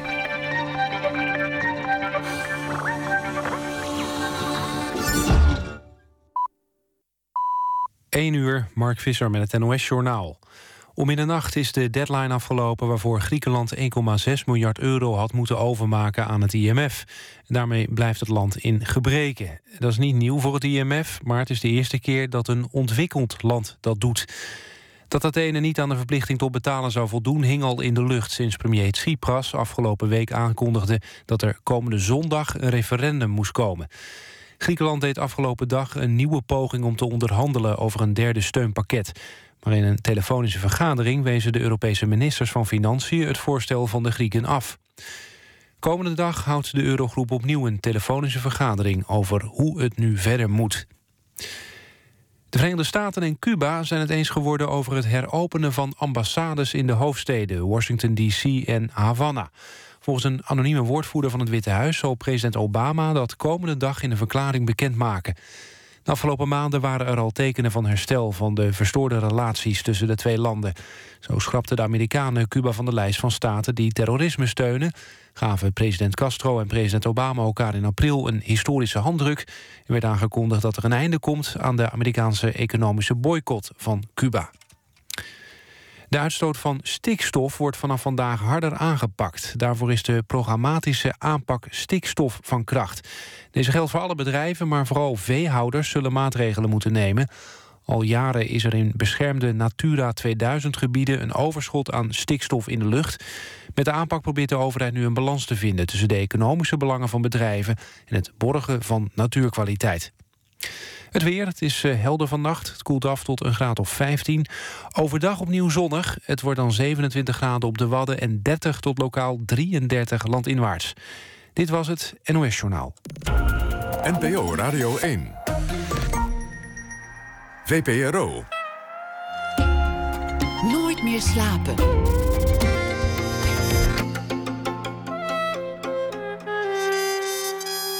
Met Pieter van der Wielen. U luistert naar Nooit meer slapen. Judith van Istendaal hoort u zo meteen over haar stripboek... over haar voettocht naar Santiago de Compostela. En theatermaker Casper van de Putten is bezig met een tijdcapsule... voor de voorstelling The Summer of 96. We beginnen met Thomas Heerma van Vos. Deze week zal hij elke nacht een verhaal voordragen over de afgelopen dag. Schreef al meerdere boeken. De Allestafel uit 2009. Stern volgde een aantal jaar later. En de verhalenbundel De Derde Persoon. Goedenacht, Thomas. Goedenacht, Pieter. Vertel eens, wat heeft je vandaag bezig gehouden? Wat mij bezig heeft gehouden is eigenlijk iets wat eh, enigszins nou ja, persoonlijk was of minder groot. Gisteren had ik het over de, de politie in Den Haag, de grote toestanden die vandaag ook doorgingen. En ook de Griekse eh, toestand, om het zo maar te noemen, ging vandaag door. Maar dat was eigenlijk een koers die al was ingezet. Dus ik dacht, als ik daarover spreek, wordt het ook een herhaling van zetten. Zoals het bijna allemaal een herhaling van zetten is. Dus wat mij bezig hield, uh, was iets kleiner. Dat was, um, dat zal ik zo ook zeggen, wat, het was. Maar dat gaat over Michael Jackson was afgelopen donderdag uh, zes jaar geleden overleden. En volgens mij naar aanleiding daarvan waren zijn drie neven in Amsterdam. En die kwam ik tegen met mijn nichtje. En ik zag bij mijn nichtje zo'n grote bewondering... als ik eigenlijk in jaren niet meer gevoeld voor een muzikant. Je kwam de, de, de drie neven van, van Michael Jackson tegen? Ja, die kwam ik uh, in, een, in een Amsterdamse café. Kwam ik die wie, wie zijn dat dan? Tegen. En, en dat, ja, die heette 3T. Dat is ook wel, die zijn ook muzikanten. Die hebben nog net iets meer gedaan dan alleen neef zijn. Maar uh, ja, dat was een R&B groep waar ik mee opgroeide. Dus die waren toen op, uh, toen op televisie en die cd stond ook in mijn kast. Oké, okay, want ik, de, de, de broers zijn natuurlijk wel heel beroemd, maar dan heb je... Ja, zij waren heel kort even meer of meer beroemd, maar net niet. En dat, dat, daar hangt een grote tragiek omheen. Maar uh, bij mijn nichtje was de tragiek, die kwam niet door. En daardoor kon ik er ook weer enigszins onbevangen naar kijken. Nou, ik zal het voorlezen. Ga je gang. Mijn nichtje kwam bij me op bezoek. Ze is acht jaar, ze is de dochter van mijn jongste, jongste zus. Mijn nichtje houdt niet van Amsterdam en toen we de wagen inliepen, een café op de Nieuwmarkt, zei ze uitsluitend hoe druk het was. Aan de langste tafel in het midden van het café zaten drie donkere mannen van midden dertig. Ze werkten een salade naar binnen en om hen heen stonden meerdere camera's opgesteld. Er werd een documentaire opgenomen, fluisterde een ober. Mijn nichtje wilde al weggaan, maar toen zei mijn zus... Wacht, volgens mij staat 3T. Het duurde even voor ik het zag, maar inderdaad, daar zat 3T, de R&B-groep uit de jaren 90. Vroeger luisterde ik dagelijks naar hun muziek. Op de leeftijd dat ik nog geen idee had wat een zoet gevoiste Engelse verhalen over kisses en love betekenen, maar dat de melodieën me wel konden bekoren. Zoals dat echter gaat met jeugdliefdes, ze raakten uit zicht. En sinds midden jaren negentig had ik niets meer over de groep gehoord. Eerlijk gezegd dacht ik al dat ze een stille dood gestorven waren. Maar daar zaten ze. Alle drie keurig op een rij. Ze waren ouder geworden natuurlijk. Maar nog steeds droegen ze iets te strakke truien... en lachten ze alsof ze onderdeel vormden van een tandpasta-reclame. De neven van Michael Jackson, verduidelijkte mijn zus tegen mijn nichtje. Michael Jackson. Zodra mijn zus die naam had uitgesproken... zag ik het gezicht van haar dochter, mijn nichtje dus, direct opklaren. Vreemd eigenlijk dat die naam nog zo'n impact heeft op een achtjarige. Maar Amsterdam veranderde in één klap in een magische plek. En 3T ontfermde zich meteen over haar, over mijn nichtje dus. Onverwachts behulpzaam. Misschien verbaasde het hen zelf ook dat iemand zo jong hen nog herkende.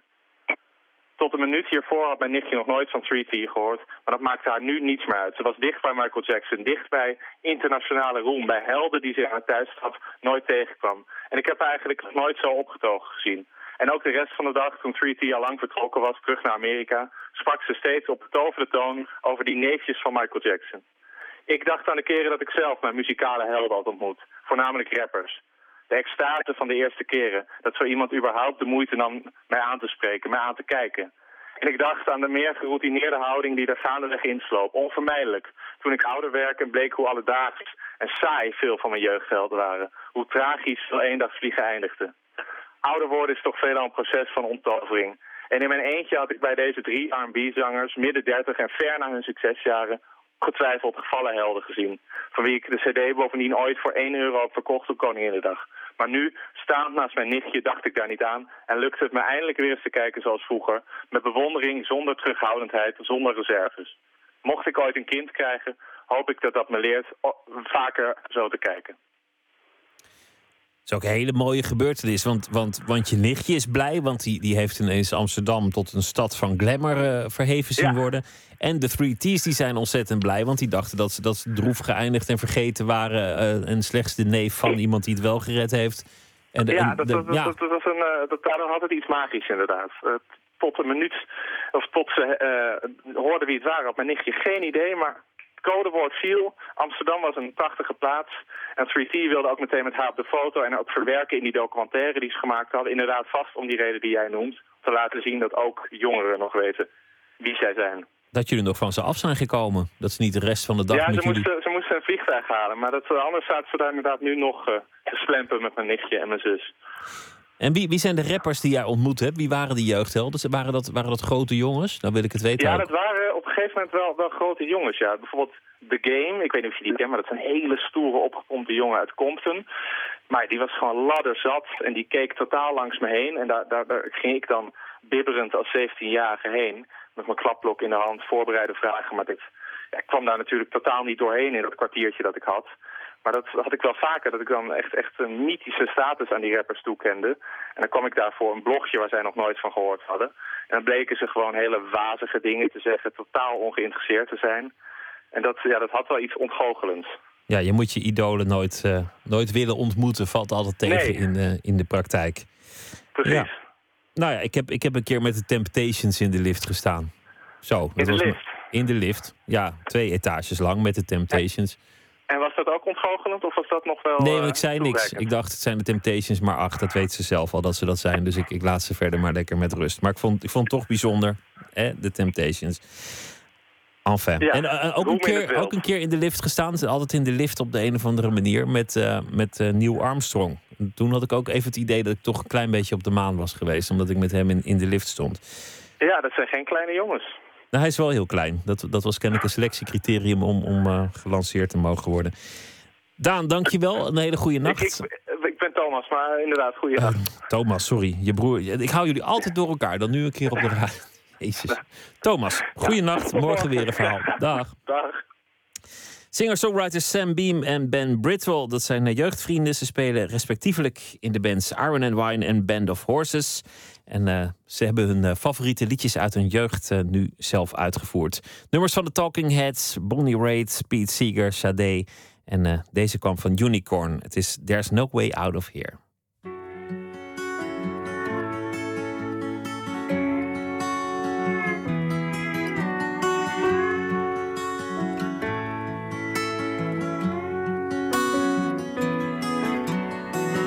There's no way out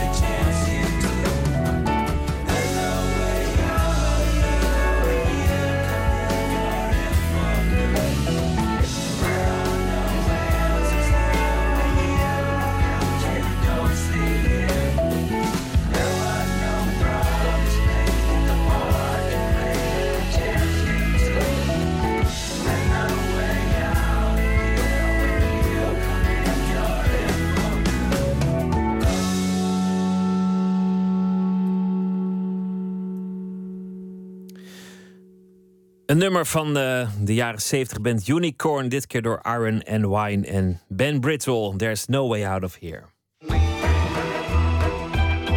Nooit meer slapen.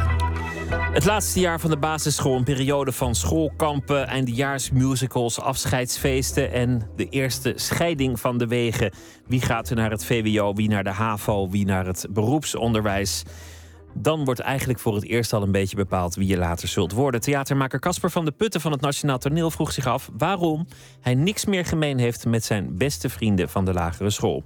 Hij maakte daar een voorstelling over, The Summer of 96. En Nicolaou maakte daarover een reportage bij een basisschool bij Den Bosch.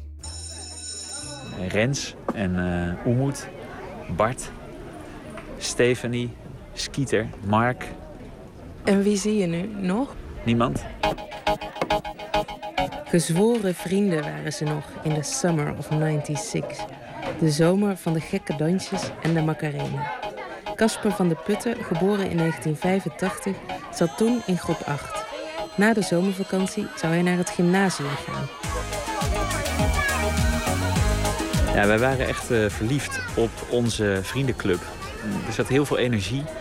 We voelden ons heel erg veilig en, en creatief bij elkaar. Dat iedereen het heel erg naar zijn zin had. En zich heel erg, eh, ja, dat ook voelde als een plek waar je, waar je nou ja, al die begrippen jezelf kon zijn. En, eh, maar dat dat toch zo echt werd gevoeld.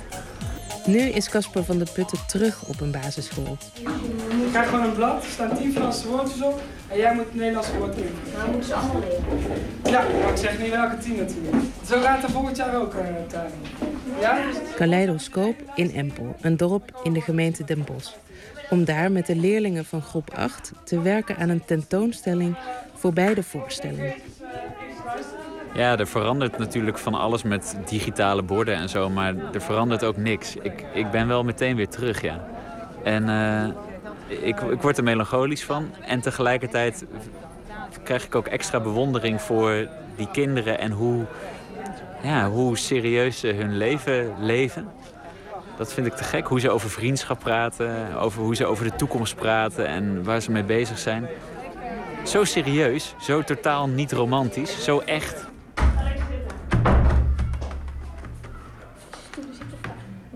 Leun, jij krijgt nummer 13. Kun je dat aan? In groepjes van twee worden de leerlingen van meneer Jasper geïnterviewd door Casper en zijn collega Hanna Timmers.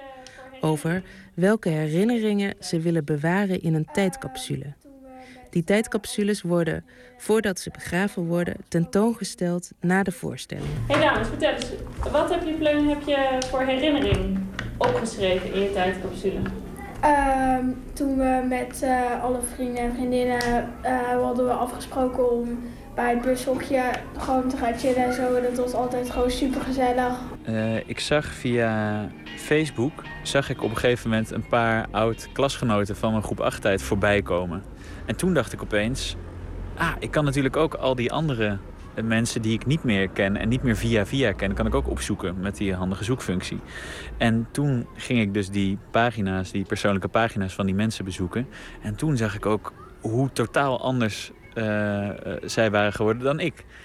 En ja, daar ontstond eigenlijk het idee om, om eigenlijk de belangrijkste mensen voor mij uit die tijd uh, op te laten zoeken en te laten interviewen. En op basis van die interviews een nieuw fictief stuk te schrijven. En jij? Wat heb jij op je herinnering, briefje? Uh, hierin zit een gum in, dat ik daar vroeger altijd vaak mee gumde. En in mijn herinneringsbriefje staat dat ik kamp ook heel leuk vond en zo. Ik zat in Maarsebroek op school. Dat is een uh, gemeente tussen Amsterdam en Utrecht in. Dat, daar zat alles door elkaar. Daar had je verschillende wijken die naar dieren waren vernoemd. En eh, eigenlijk elk, elke dierenwijk had een andere prijsklasse. Uh, en zo, zat er dus, zo zaten er allerlei soorten uh, nou ja, rangen en standen zaten daar in dat dorp. En mijn gezin woonde dan weer net buiten dat dorp in Haarzuilens. En wij woonden dan weer in een, in een boerderij. Dus wij hadden een beetje een soort. Wij waren een beetje het buitenbeentje binnen dat wat grootstedelijkere. Ja, die, die suburbs eigenlijk. Mensen van Antilliaanse en Surinaamse en Marokkaanse en Turkse afkomsten. dat zat allemaal zo bij elkaar in de klas. En daarna ging ik naar een school waar ik eigenlijk alleen nog maar, ja, bijna alleen nog maar mensen tegenkwam die precies, ja, kinderen van, die, die ook kinderen van mijn ouders hadden kunnen zijn eigenlijk. In België en Nederland zit er zo'n zeven jaar levensverwachting tussen iemand die hoog is opgeleid en iemand die laag is opgeleid. Dat is gigantisch. En eigenlijk groep 8 is de laatste, het laatste moment dat dat nog niet gedifferentieerd is. En jij? Ik heb gewoon dat ik de klas ga missen. En wat ga je precies missen aan de klas? Alles. En ga je ook de klas als groep missen? Ja, het klikt ook heel erg goed met elkaar allemaal. Ik was een paar keer bedreigd geweest in Maarsebroek. Daardoor was ik heel erg bang geworden. En ik was eigenlijk ook daarin heel erg eh, discriminerend geworden. Ik was bang voor alles wat er anders uitzag dan ik. Alles wat niet op het gymnasium zat. Precies, dus ik wilde heel erg graag naar dat gymnasium. Alleen was ik op dat moment zo bang dat het ook mijn schoolresultaten beïnvloedde. Dus terwijl ik steeds banger werd, wilde ik steeds liever naar het gymnasium. Maar hoe banger ik werd, hoe slechter mijn schoolresultaten gingen. Dus ik was een heel erg, eh, per ongeluk, eh, een heel erg klassebewust eh, jongetje geworden. En bij jou, wat heb jij in je... Ehm, ik heb eigenlijk eh, op de discoavond van het kamp, want dat was heel gezellig.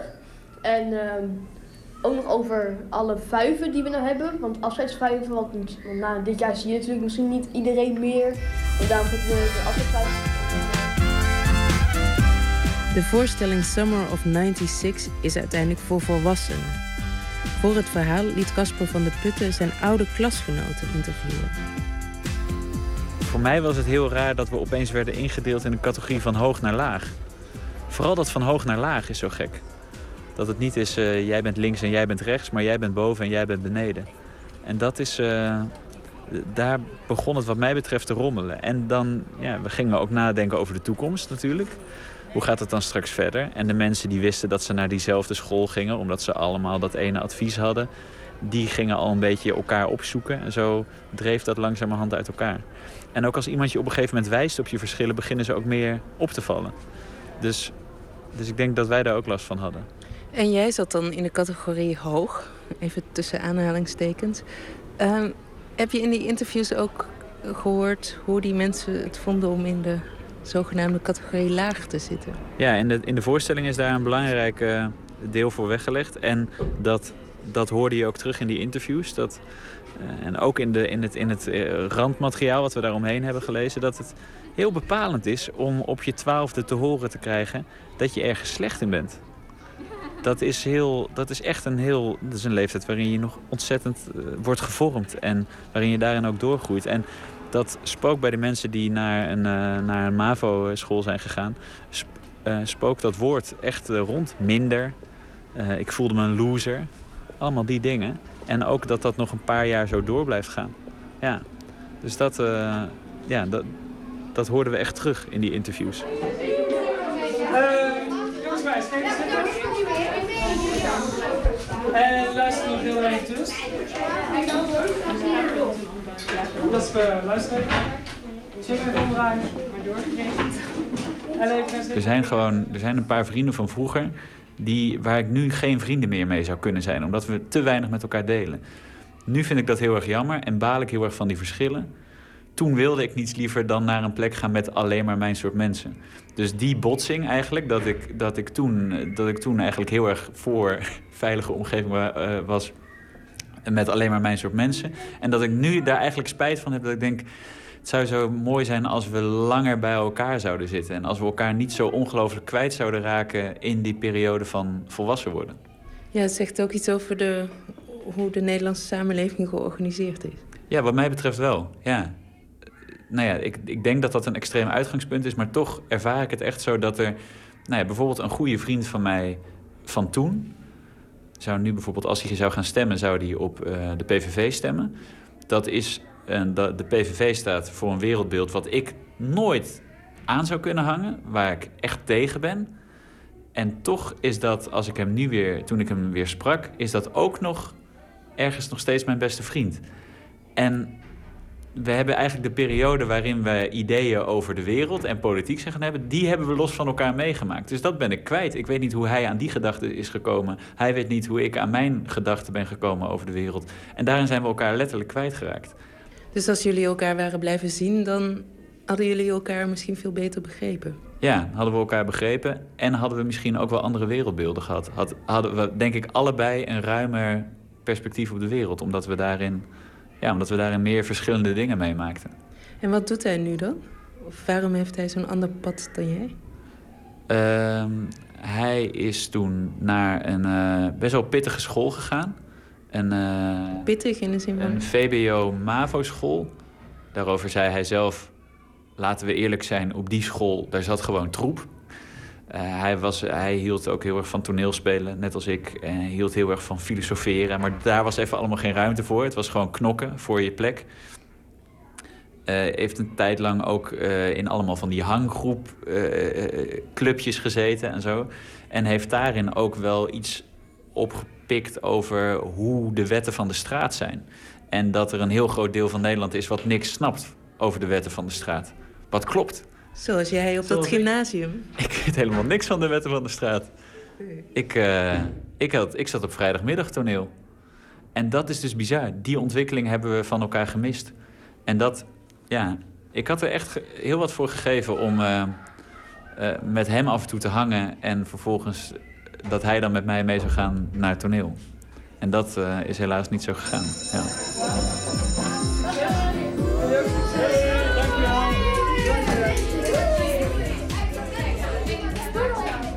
De voorstelling Summer of 96 is nog de hele zomer te zien. Vanaf donderdag op het festival Over het IJ in Amsterdam-Noord.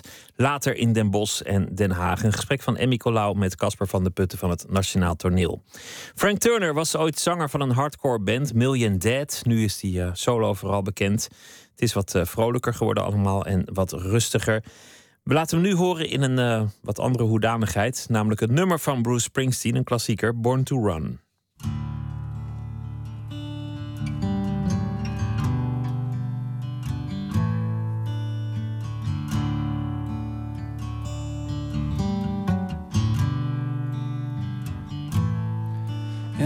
Day we sweated out on the streets, a runaway American dream. And at night we ride through the mansions of glory, suicide machines.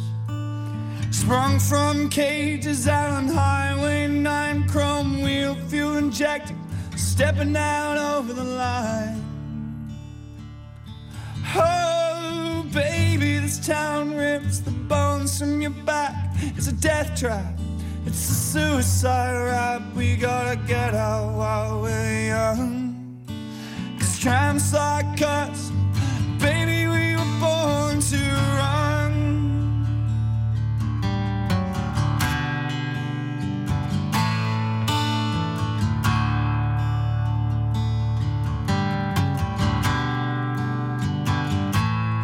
Wendy, let me in. I wanna be your friend. I wanna guard your dreams and visions. Just wrap your legs around these velvet rims and strap your hands across my engines. Together we could break this trap. We'll run till we drop. Baby, we'll never go back. Oh, will you walk with me out on the baby, I'm just scared, lonely rider. But I gotta know how it feels.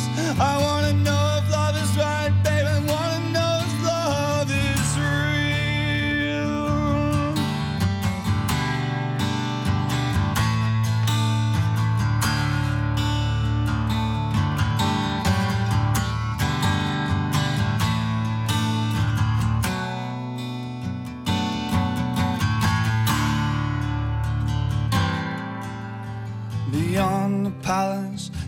drones scream down the boulevards. Girls comb their hair in rearview mirrors, and the boys try to look so hard. The amusement park rises bold and star. Kids are huddled down the beach on the mist. I wanna die with you, Annie, on the street tonight in an everlasting kiss.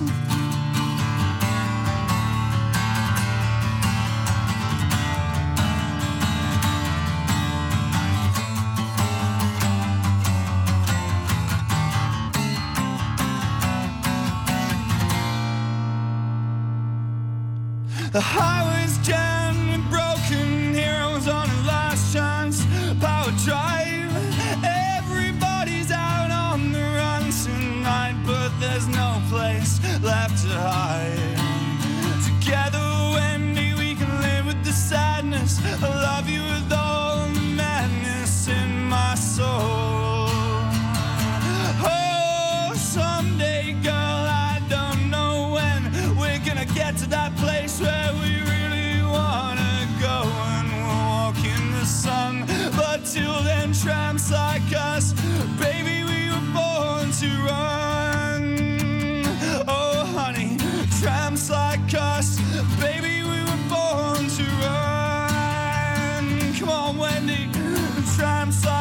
us,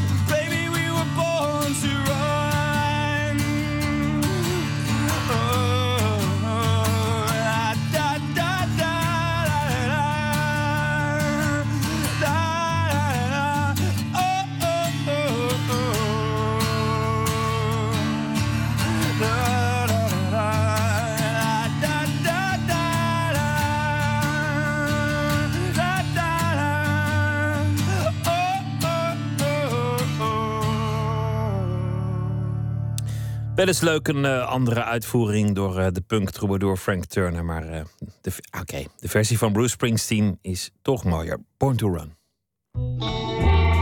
Nooit meer slapen. Het was vandaag eh, mooi weer. Het wordt komende dag nog mooier weer. Strandweer, kortom. En als u dan eh, vandaag bij Katwijk was... dan had u wellicht een aantal schilders aan het werk gezien... in de buitenlucht of bij het strand. Een jaarlijks project gaat het om. Afgelopen weekende begonnen. Botte Jellema is nachtcorrespondent en hij ging er ook naartoe. Botte, vertel allereerst even... Hoe was het op het strand? Lekker rustig? Ja, druk. Druk. ja, druk natuurlijk. Ja, het strand lag helemaal vol eh, voor de kust eh, bij eh, Katwijk. En het viel dus ook nog niet heel erg mee om daar een schilder tussen te ontdekken. Maar dat is gelukt. Het strand en de zee schilderend in een zwembroekje.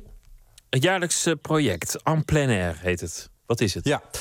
Nou, dat is eh, in Katwijk. Eh, Katwijk is een kunstenaarskolonie geweest. Dat, eh, daar heb je in Nederland een aantal van.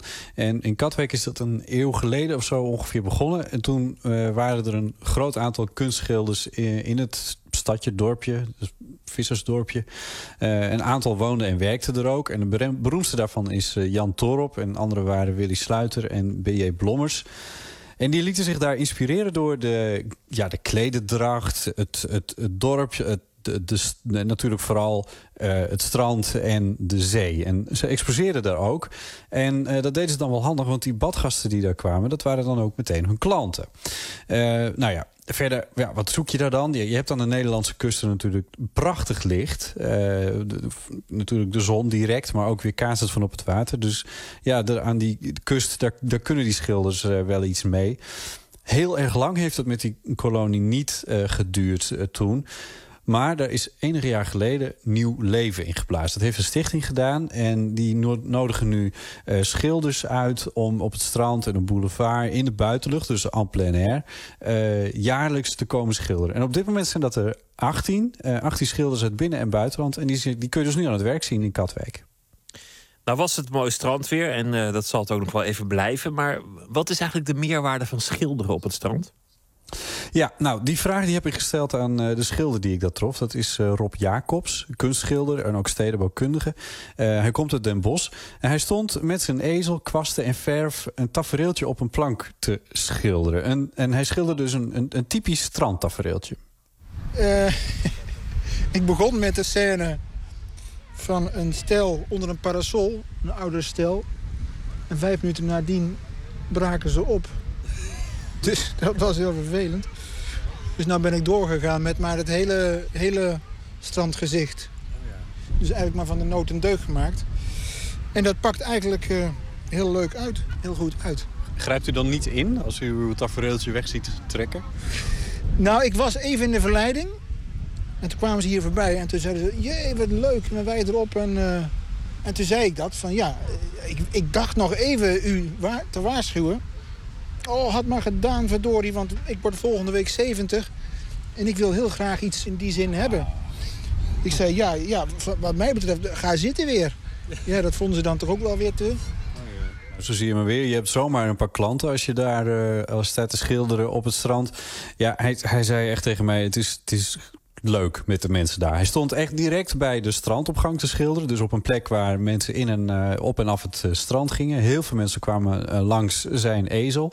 En die maakte wel eens een praatje, maar dat stoorde Rob helemaal niet. Het is een druk punt en van de ene kant is dat juist leuk, want dat, dat geeft die levendigheid. Die ik eigenlijk eh, ja, voor mijn manier van schilderen heel goed kan gebruiken. Welke De levendigheid is dat? tinteling. De tinteling van, van verandering, van lichtinval, van eh, flikkeringen. Zijn alles worden alleen maar eh, vlekjes en, en eh, streepjes soms. En soms ook niet, maar eh, dan is het dus ook een rustiger moment. Wat geeft dit strand u als, als kunstenaar om hier nu te gaan schilderen? Heel veel inspiratie. Ik zie voortdurend de, de, de rijkdom eigenlijk. Zit dat in, in de tafereeltjes? Nee, dat zit hem ju- juist in die, in die, in die constant eh, onderhevig zijn aan verandering. Aan licht en lucht en weer en wind. Nou ja, als schilders dus ergens eh, lang zoet mee kunnen zijn... dan is dat wel eh, de zee of het water. Eh, dat beweegt natuurlijk altijd. Het water ziet er altijd weer anders uit. Het licht valt er gedurende de dag natuurlijk ook weer totaal anders op. En dan ziet de zee er weer heel anders uit. Het, heel veel eh, Hollandse meesters hebben daar eh, ook, zijn er jaren zoet mee geweest. Eh, Jan Torop, niet in de laatste plaats, die schilderde in Katwijk het stuk de, de Zee bij Katwijk, logischerwijs. Dat hangt in het Rijksmuseum. Ehm, ja, en zo zijn er nog heel veel anderen geweest die zich ook aan de zee hebben gewaagd. Nou was het vandaag echt strandweer met minder mooi weer. Dan ziet het er misschien toch ook wel mooi uit. Maar wat doen de schilders dan? Ja, ze, gaan, ze, ze komen wel en ze gaan ook door. Eh, Rob Jacob stond deze keer dus in een zwembroekje met een eh, schort voor te schilderen. Pal in de zon, beetje bescherming van een parasol, maar dat was het. Eh, hij vertelde dat het vorig jaar wel anders was. Ja, dan moet je ergens achter of voor of tussen kruipen. Vorig jaar een boot, hotel daarnaast, dat bood heel veel accommodatie. Tenminste voor, voor mij. Die zei van, er staan nou toch kamers leeg, ga daar maar staan schilderen. Toen was het echt storm eh, tot en met.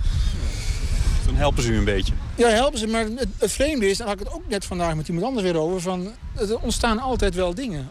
Altijd wel schilderijen. En ja, aan het eind van de week, want u weet waarvoor dit is natuurlijk... voor Katwijk aan plein air. Dan is de opening en dan zie je eigenlijk het totaalbeeld van de kunstenaars die, die meedoen. En dan ontstaat daar een ontzettend ja, sprankelend mooi beeld.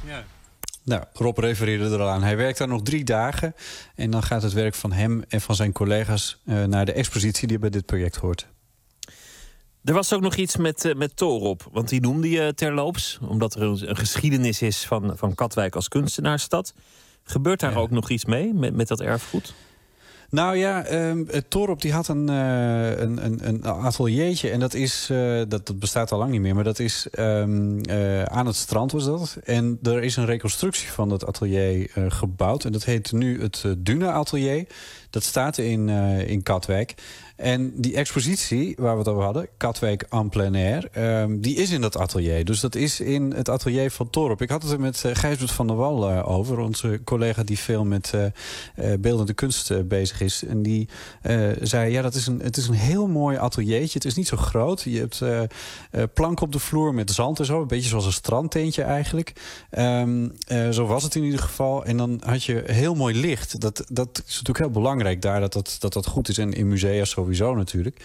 Maar in het atelier er zaten bovenin een paar hele mooie eh, eh, ja, lichten. Hoe zeg je dat? Eh, gewoon ramen natuurlijk. Ja. Van buiten. Maar die, die, die waren Gijsbert echt in het bijzonder opgevallen. In Katwijk aan plein air deze zomer nog te zien. En nog tot november.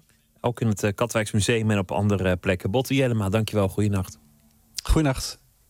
Afgelopen vrijdag was eh Maaike Auwboter te gast in dit programma. Ze sprak over haar album en hoe het dan ook weer dag wordt. We draaien een nummer van het album Smoor. Mijn, jouw trui, omdat hij veel te lekker zat. En mijn, jouw omdat je steeds vergat hem bij me op te halen. En de brief die je nooit op de post hebt gedaan. De gevonden sjaal waarvan ik nooit wist dat ik hem ooit was verloren. Ik ben nog smal.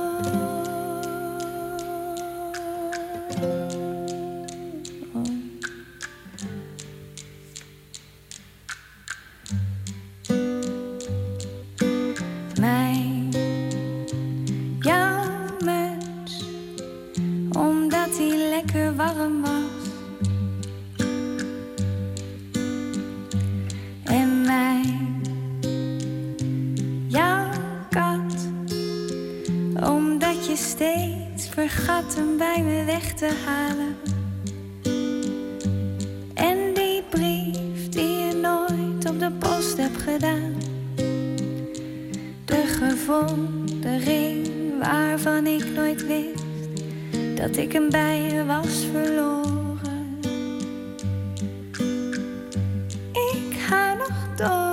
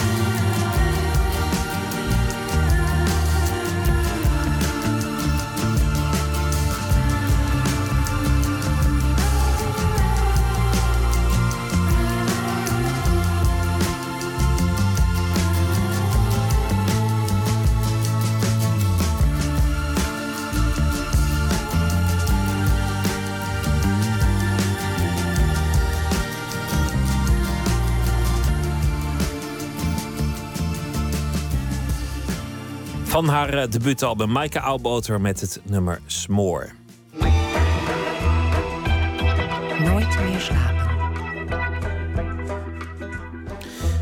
Jaarlijks maken meer dan 250.000 mensen de tocht naar het bedevaartsoord Santiago de Compostela. Meestal niet vanwege religieuze motieven.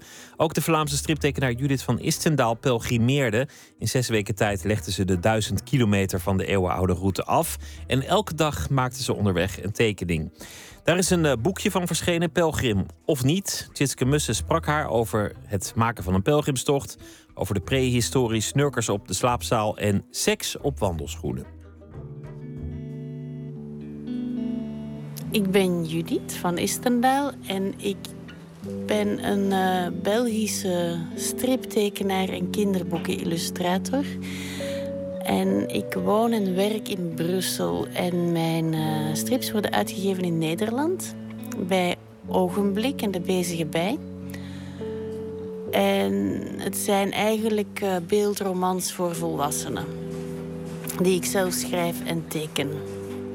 Nou zitten we hier in jouw studio, in een drukkerij. Dit is waar je werkt. Ja, boven in het atelier zitten twee ambachtelijke drukkers. En beneden is een kleine industriële drukkerij. Nou zie ik hier op de grond al allemaal pagina's liggen. Je bent bezig met een, eh, een nieuw boek. Ik ben bezig aan een hele dikke strip. Dat voor de eerste keer niet op het scenario van mezelf is, maar op het scenario van een eh, Spanjaard, Marc Bellido. Die ik ontmoet heb op de Camino de Santiago, trouwens. En die heeft een eh, verhaal geschreven. Die is bodyguard geweest in het Spaanse Baskeland... om politici te beschermen tegen aanslagen van de ETA. En daar, daar maak ik een strip van. Je zei het net al, die heb je ontmoet tijdens jouw reis naar Santiago de Compostela. Eh, je hebt een, een, een pelgrimstocht gemaakt. Ehm, nou eh, zijn er volgens mij een aantal redenen om zo'n pelgrimstocht te doen. Je bent of heel sportief en wil dat laten zien. Je bent religieus en, eh, en, en hebt een, een, een heilig doel te bereiken. Of je, bent, je zit met jezelf in de knoop en, daar moet je uitkomen. Wat, wat was het bij jou? Ehm, ik ben niet religieus. Eh, ja, ik ben wel religieus. Iedereen is op een bepaalde manier religieus, veronderstel ik. Maar ik geloof niet in God of zo. Ehm, ik ben niet bijzonder sportief. En ik weet niet of ik met mezelf in de knoop zat, maar ik had wel veel meegemaakt. En eh, ik, had, ik voelde een hele grote nood om ehm, afstand te nemen van mijn eigen bestaan. Ik, ehm, in mijn familie zijn er verschillende mensen gestorven aan kanker. En, uh, dat was, en uh, ik ben ook uh, gescheiden op dat ogenblik, dus dat was een hele intense periode. Allemaal op een aantal jaren tijd. En ze was te veel voor mijn draagkracht. Zowel emotioneel als fysiek een te veel aan, uh, aan, aan spiraal van dingen die gebeurden en waar dat ik geen op den duur geen. Ik had ook geen tijd meer om te rouwen, om te. Het bleef maar gaan. Dus uh, ik had een voor en een na nodig. Ik had een, een tijd voor de tocht en een tijd na de tocht dat ik een soort grens kon trekken van kijk, dit is allemaal gebeurd ervoor. En dan heb je dingen die daarna gebeuren. Er zullen nog wel erge dingen gebeuren. Maar dan heb ik tenminste een soort scheidingslijn. Van hier stopt dit. Dat werkte wel. Ja, het heeft zo gewerkt? Het heeft echt zo gewerkt. Hersenen zitten raar in elkaar. Maar, en, en waarom koos je dan voor een, voor een wandeltocht? Oh, dat is, dat is omdat uh, ten eerste een, een pelgrimstocht heeft uh, bepaalde functies. Hè. Het, het, um, het elke dag wandelen zorgt dat je fysiek uh, mediteert, dat je in een bepaalde cadans komt. Je vertraagt heel erg, want wandelen kan je niet snel doen. En je krijgt uh, een soort uh, runners high, hè? En wat? Runners high, kennen jullie dat in Nederland? Als je hardloopt, dat je op een bepaald moment high wordt. Wel, als je elke dag wandelt, krijg je dat ook. Je krijgt een hele positieve stemming. Je wordt heel tevreden. Ten tweede is het zo dat je iets doet dat onmogelijk lijkt. Duizend kilometer stappen. En toch slaag je daarin. Iedereen slaagt daarin ongeveer. Ook mensen van 87 slagen daarin. En het, het, het is heel geschikt om fysiek aan te voelen dat je veel aan kunt. Ook mentaal, dat je grote uitdagingen aan kunt. En, en dus daarom heb ik die tocht gedaan. Omdat het ook een, uh, het is een, uh, een traditionele tocht. En ik hou nogal van cultuur en traditie. En dingen die doorleven. Dus uh, dat vond ik wel interessant om dat te doen. Ja, hij bestaat al, die hele tocht, die wordt al sinds de 11e eeuw, geloof ik, gelopen. Veel langer. Het is een, uh, het is een tocht die, naar, die door de, in de prehistorie al gelopen werd waarschijnlijk. Dus in de 11e eeuw is er een boost geweest eh, om die te stappen. Dus daarom weten wij dat die sinds de 11e eeuw al gelopen wordt. Maar die wordt al heel lang gebruikt als pelgrimstocht. Het is eigenlijk een tocht, die, het, is een, het is een weg, een route die de gemakkelijkste weg van eh, Zuid-Frankrijk naar eh, Galicië volgt. Hè. Dus het is heel eenvoudig. Het is gewoon de, een goede weg om te gaan.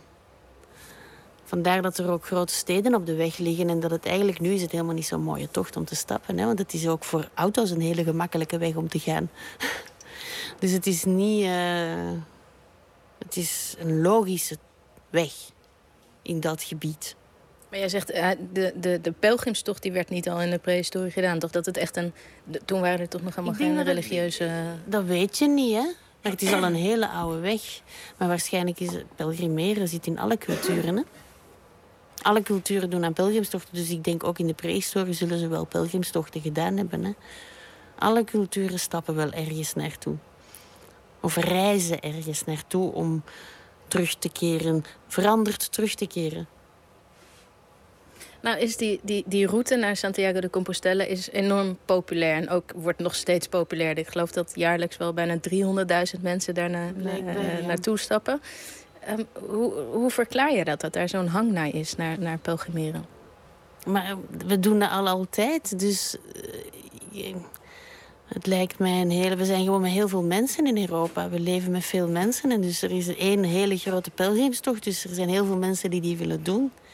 Maar zou het niet kunnen zijn dat die tocht populairder is geworden... omdat wij allemaal in zo'n drukke samenleving leven... en onszelf voorbij rennen en dat er behoefte is? Maar misschien bijvoorbeeld waarschijnlijk 300 jaar geleden was er een ander soort druk. Hè? Namelijk een druk van eh, geen goede geneeskunde. En een druk van je kunt sterven van alles en de dood zit op in een klein hoekje. Dus ja, waarschijnlijk is in onze samenleving een van de redenen dat je wilt ontsnappen aan de rat race waar dat we in zitten. Maar ik denk dat elke samenleving zijn eigen redenen wel uitvindt om het toch te doen. Ik denk dat het gewoon iets is dat heel goed past bij wat een mens is en doet. Langdurig stappen met een doel. En daar, dat, dan geplaatst in een traditie, dat is ook fijn voor onze soort hersenen, want wij houden van verhalen en betekenis. We geven overal betekenis aan, dus zo'n tocht is ideaal. Perfect gewoon. Je maakte elke dag een tekening. Daar is het eh, eh, boek van samengesteld. Daarin ben je op een manier ook heel eerlijk over die tocht. En ook over de andere mensen die hem lopen. Want eh, er wordt heel veel gesnurkt. Het is moeilijk om je af te zonderen. Je moet s'nachts in een helverlichte keuken gaan zitten... om even tijd voor jezelf te hebben. Ja. Is dat eerlijk? Nou, dat vind ik wel eerlijk. Je kunt ook zo'n zo'n tocht ophemelen eh, tot een romantisch geheel. Ik ken niemand die die tocht ophemelt, want die is zo fysiek dat je die niet... Er valt niks op te hemelen. Er valt echt niks op te hemelen. Er zijn ook heel veel stukken erg lelijk en vraag elke pelgrim. Iedereen die die tocht gewandeld heeft. Er zijn heel mooie ervaringen. Maar je slaapt in slaapzalen en mensen snurken. Echt, en dat is iets heel fysiek, dat is iets heel aanwezig. En dus dat is echt een probleem. Dat is in het begin is dat zeer problematisch, want je bent dat niet gewoon. En dus je slaapt slecht, dus je stapt ook slechter. Dus je wordt moe, dus je krijgt rugpijn. Dus dat zijn allemaal dingen, ja. Dat is zo essentieel om duizend kilometer of zelfs 2000. Er zijn mensen die vanuit Nederland vertrekken, die nog veel verder stappen. Dus het fysieke is de basis. En dus op zo'n tocht deel je ongeveer alles, want je hebt, je hebt bijna niks bij. Dus je dag bestaat erin gesprekken te delen, een wandeltocht te delen, een zicht bijvoorbeeld op de ondergaande zon te delen. Maar dan kan ik me voorstellen dat, dat er meer mensen zijn die jij ontmoet tijdens zo'n zo'n reis. Die ook erge dingen mee- hebben meegemaakt en ergens doorheen moeten. En, en dat Ja. hele delen, dat dat ook wel heftig kan zijn op zo'n Ja, reis. Soms te heftig, ja. Soms veel te veel en veel te heftig. Ja, dat is zo. Ja. Een soort wandelende therapiegroep. Ja, een soort hysterische therapie, therapiegroep soms ook hoor. Hoezo? Ja, pff, eh, mensen die. eh, je wordt euforisch, hè? Dus mensen die ook. eh, iedereen wordt verliefd op elkaar. Oh ja, is dat, staat de Oh. route daar bekend om? Oh. Je deelt zo'n intense ervaringen dat, je, dat er allemaal dingen gebeuren. En seks, drugs en rock'n'roll. Zeker uh, de laatste honderden kilometers naar. Dus als je nadert, dat het uh, allemaal een beetje uit de hand begint te lopen voor sommige mensen. En ik denk dat dat ook niet, niet abnormaal is. Ik vind dat niet onspiritueel eigenlijk. Ik vind dat, dat is gewoon... Je deelt gewoon ontzettend intense ervaringen. Hè? Ik bedoel, je bent afgesloten van je, van je normale leven. Niemand heeft blik op wat dat jij daar uitspookt. Hè? Dus wat dat daar allemaal gebeurt, dat is ongelooflijk. Tjitske in gesprek met striptekenaar Judith van Istendaal. Het boek met tekeningen heet Pelgrim of niet en is vanaf heden verkrijgbaar. Memphis Slim was een van de eerste bluespianisten die in Europa ook bekend werd. Het succes in Frankrijk was voor hem reden om zich definitief te vestigen in Parijs. We luisteren naar Memphis Slim met Slim's Blues. People, people, people, you don't know my mind.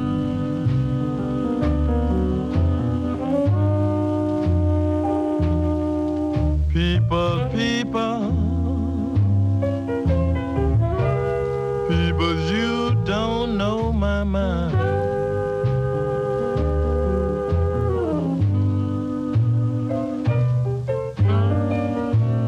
Got the blues about somebody,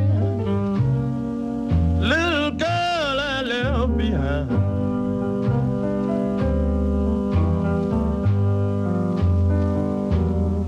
How can I do when you won't do right yourself?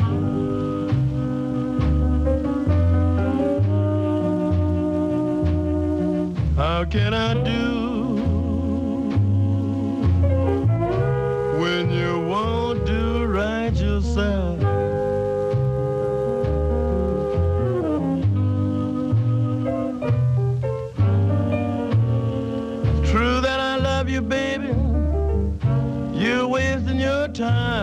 with someone else.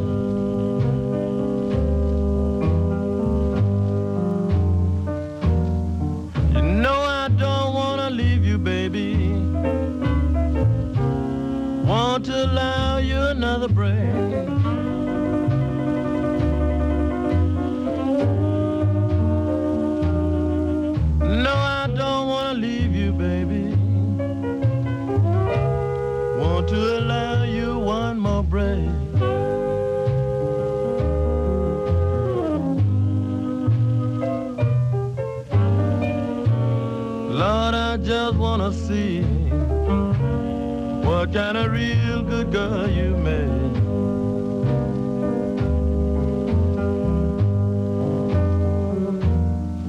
Now you may go to the country, some faraway place. Bound to get lucky, baby, most any old place. But you gonna need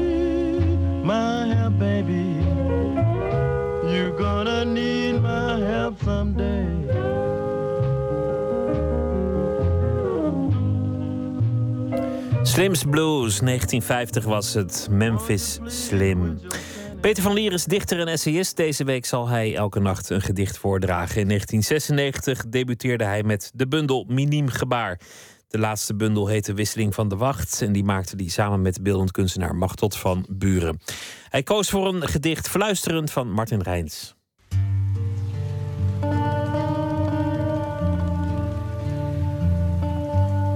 Goed kijken, dat is de eerste opgave voor iedere dichter. Vervolgens proberen na te gaan hoe de indrukken in jou verwerkt worden. De gevoelens en associaties analyseren die ermee gepaard gaan. Merk op hoe al die elementen samenhangen en met elkaar verweven zijn. En dat dan zo helder mogelijk opschrijven. Een dichter die daar een meester in is, is Martin Rijns. Ogenschijnlijk nietzeggende voorvallen zijn in zijn poëzie de aanleiding voor heuse meditaties. Uit zijn laatste bundel, Lopende Zaken, het volgende gedicht. Fluisterend. Niet alle stoelen staan goed, tenminste. In een van de rijen staat een stoel die eigenlijk in een andere rij stoelen thuis hoort. Maar waarom moet zoiets je opvallen? En waarom zou je er iets over zeggen? tegen iemand die naast je zit en waar je niet mee in gesprek bent. Zeker nu de nog uit oude godsdiensten bekende goden zwijgen en iemand voor in de ruimte waarin we op onze stoelen zitten. Zijn stem dempt en hij, lijkt het zelfs, langdurig niets zegt tegen iemand anders tot wie hij zich leek te richten toen hij voorover neeg. Het zou kunnen, in de verwachting dat de stilte die in de zaal begint te heersen, nu verandert in rust. Zoals buiten een avondelijk onweer kan overgaan in windstilte en de nacht valt wanneer er alleen in de verte nog gerommel is te horen. Een hele goede nacht.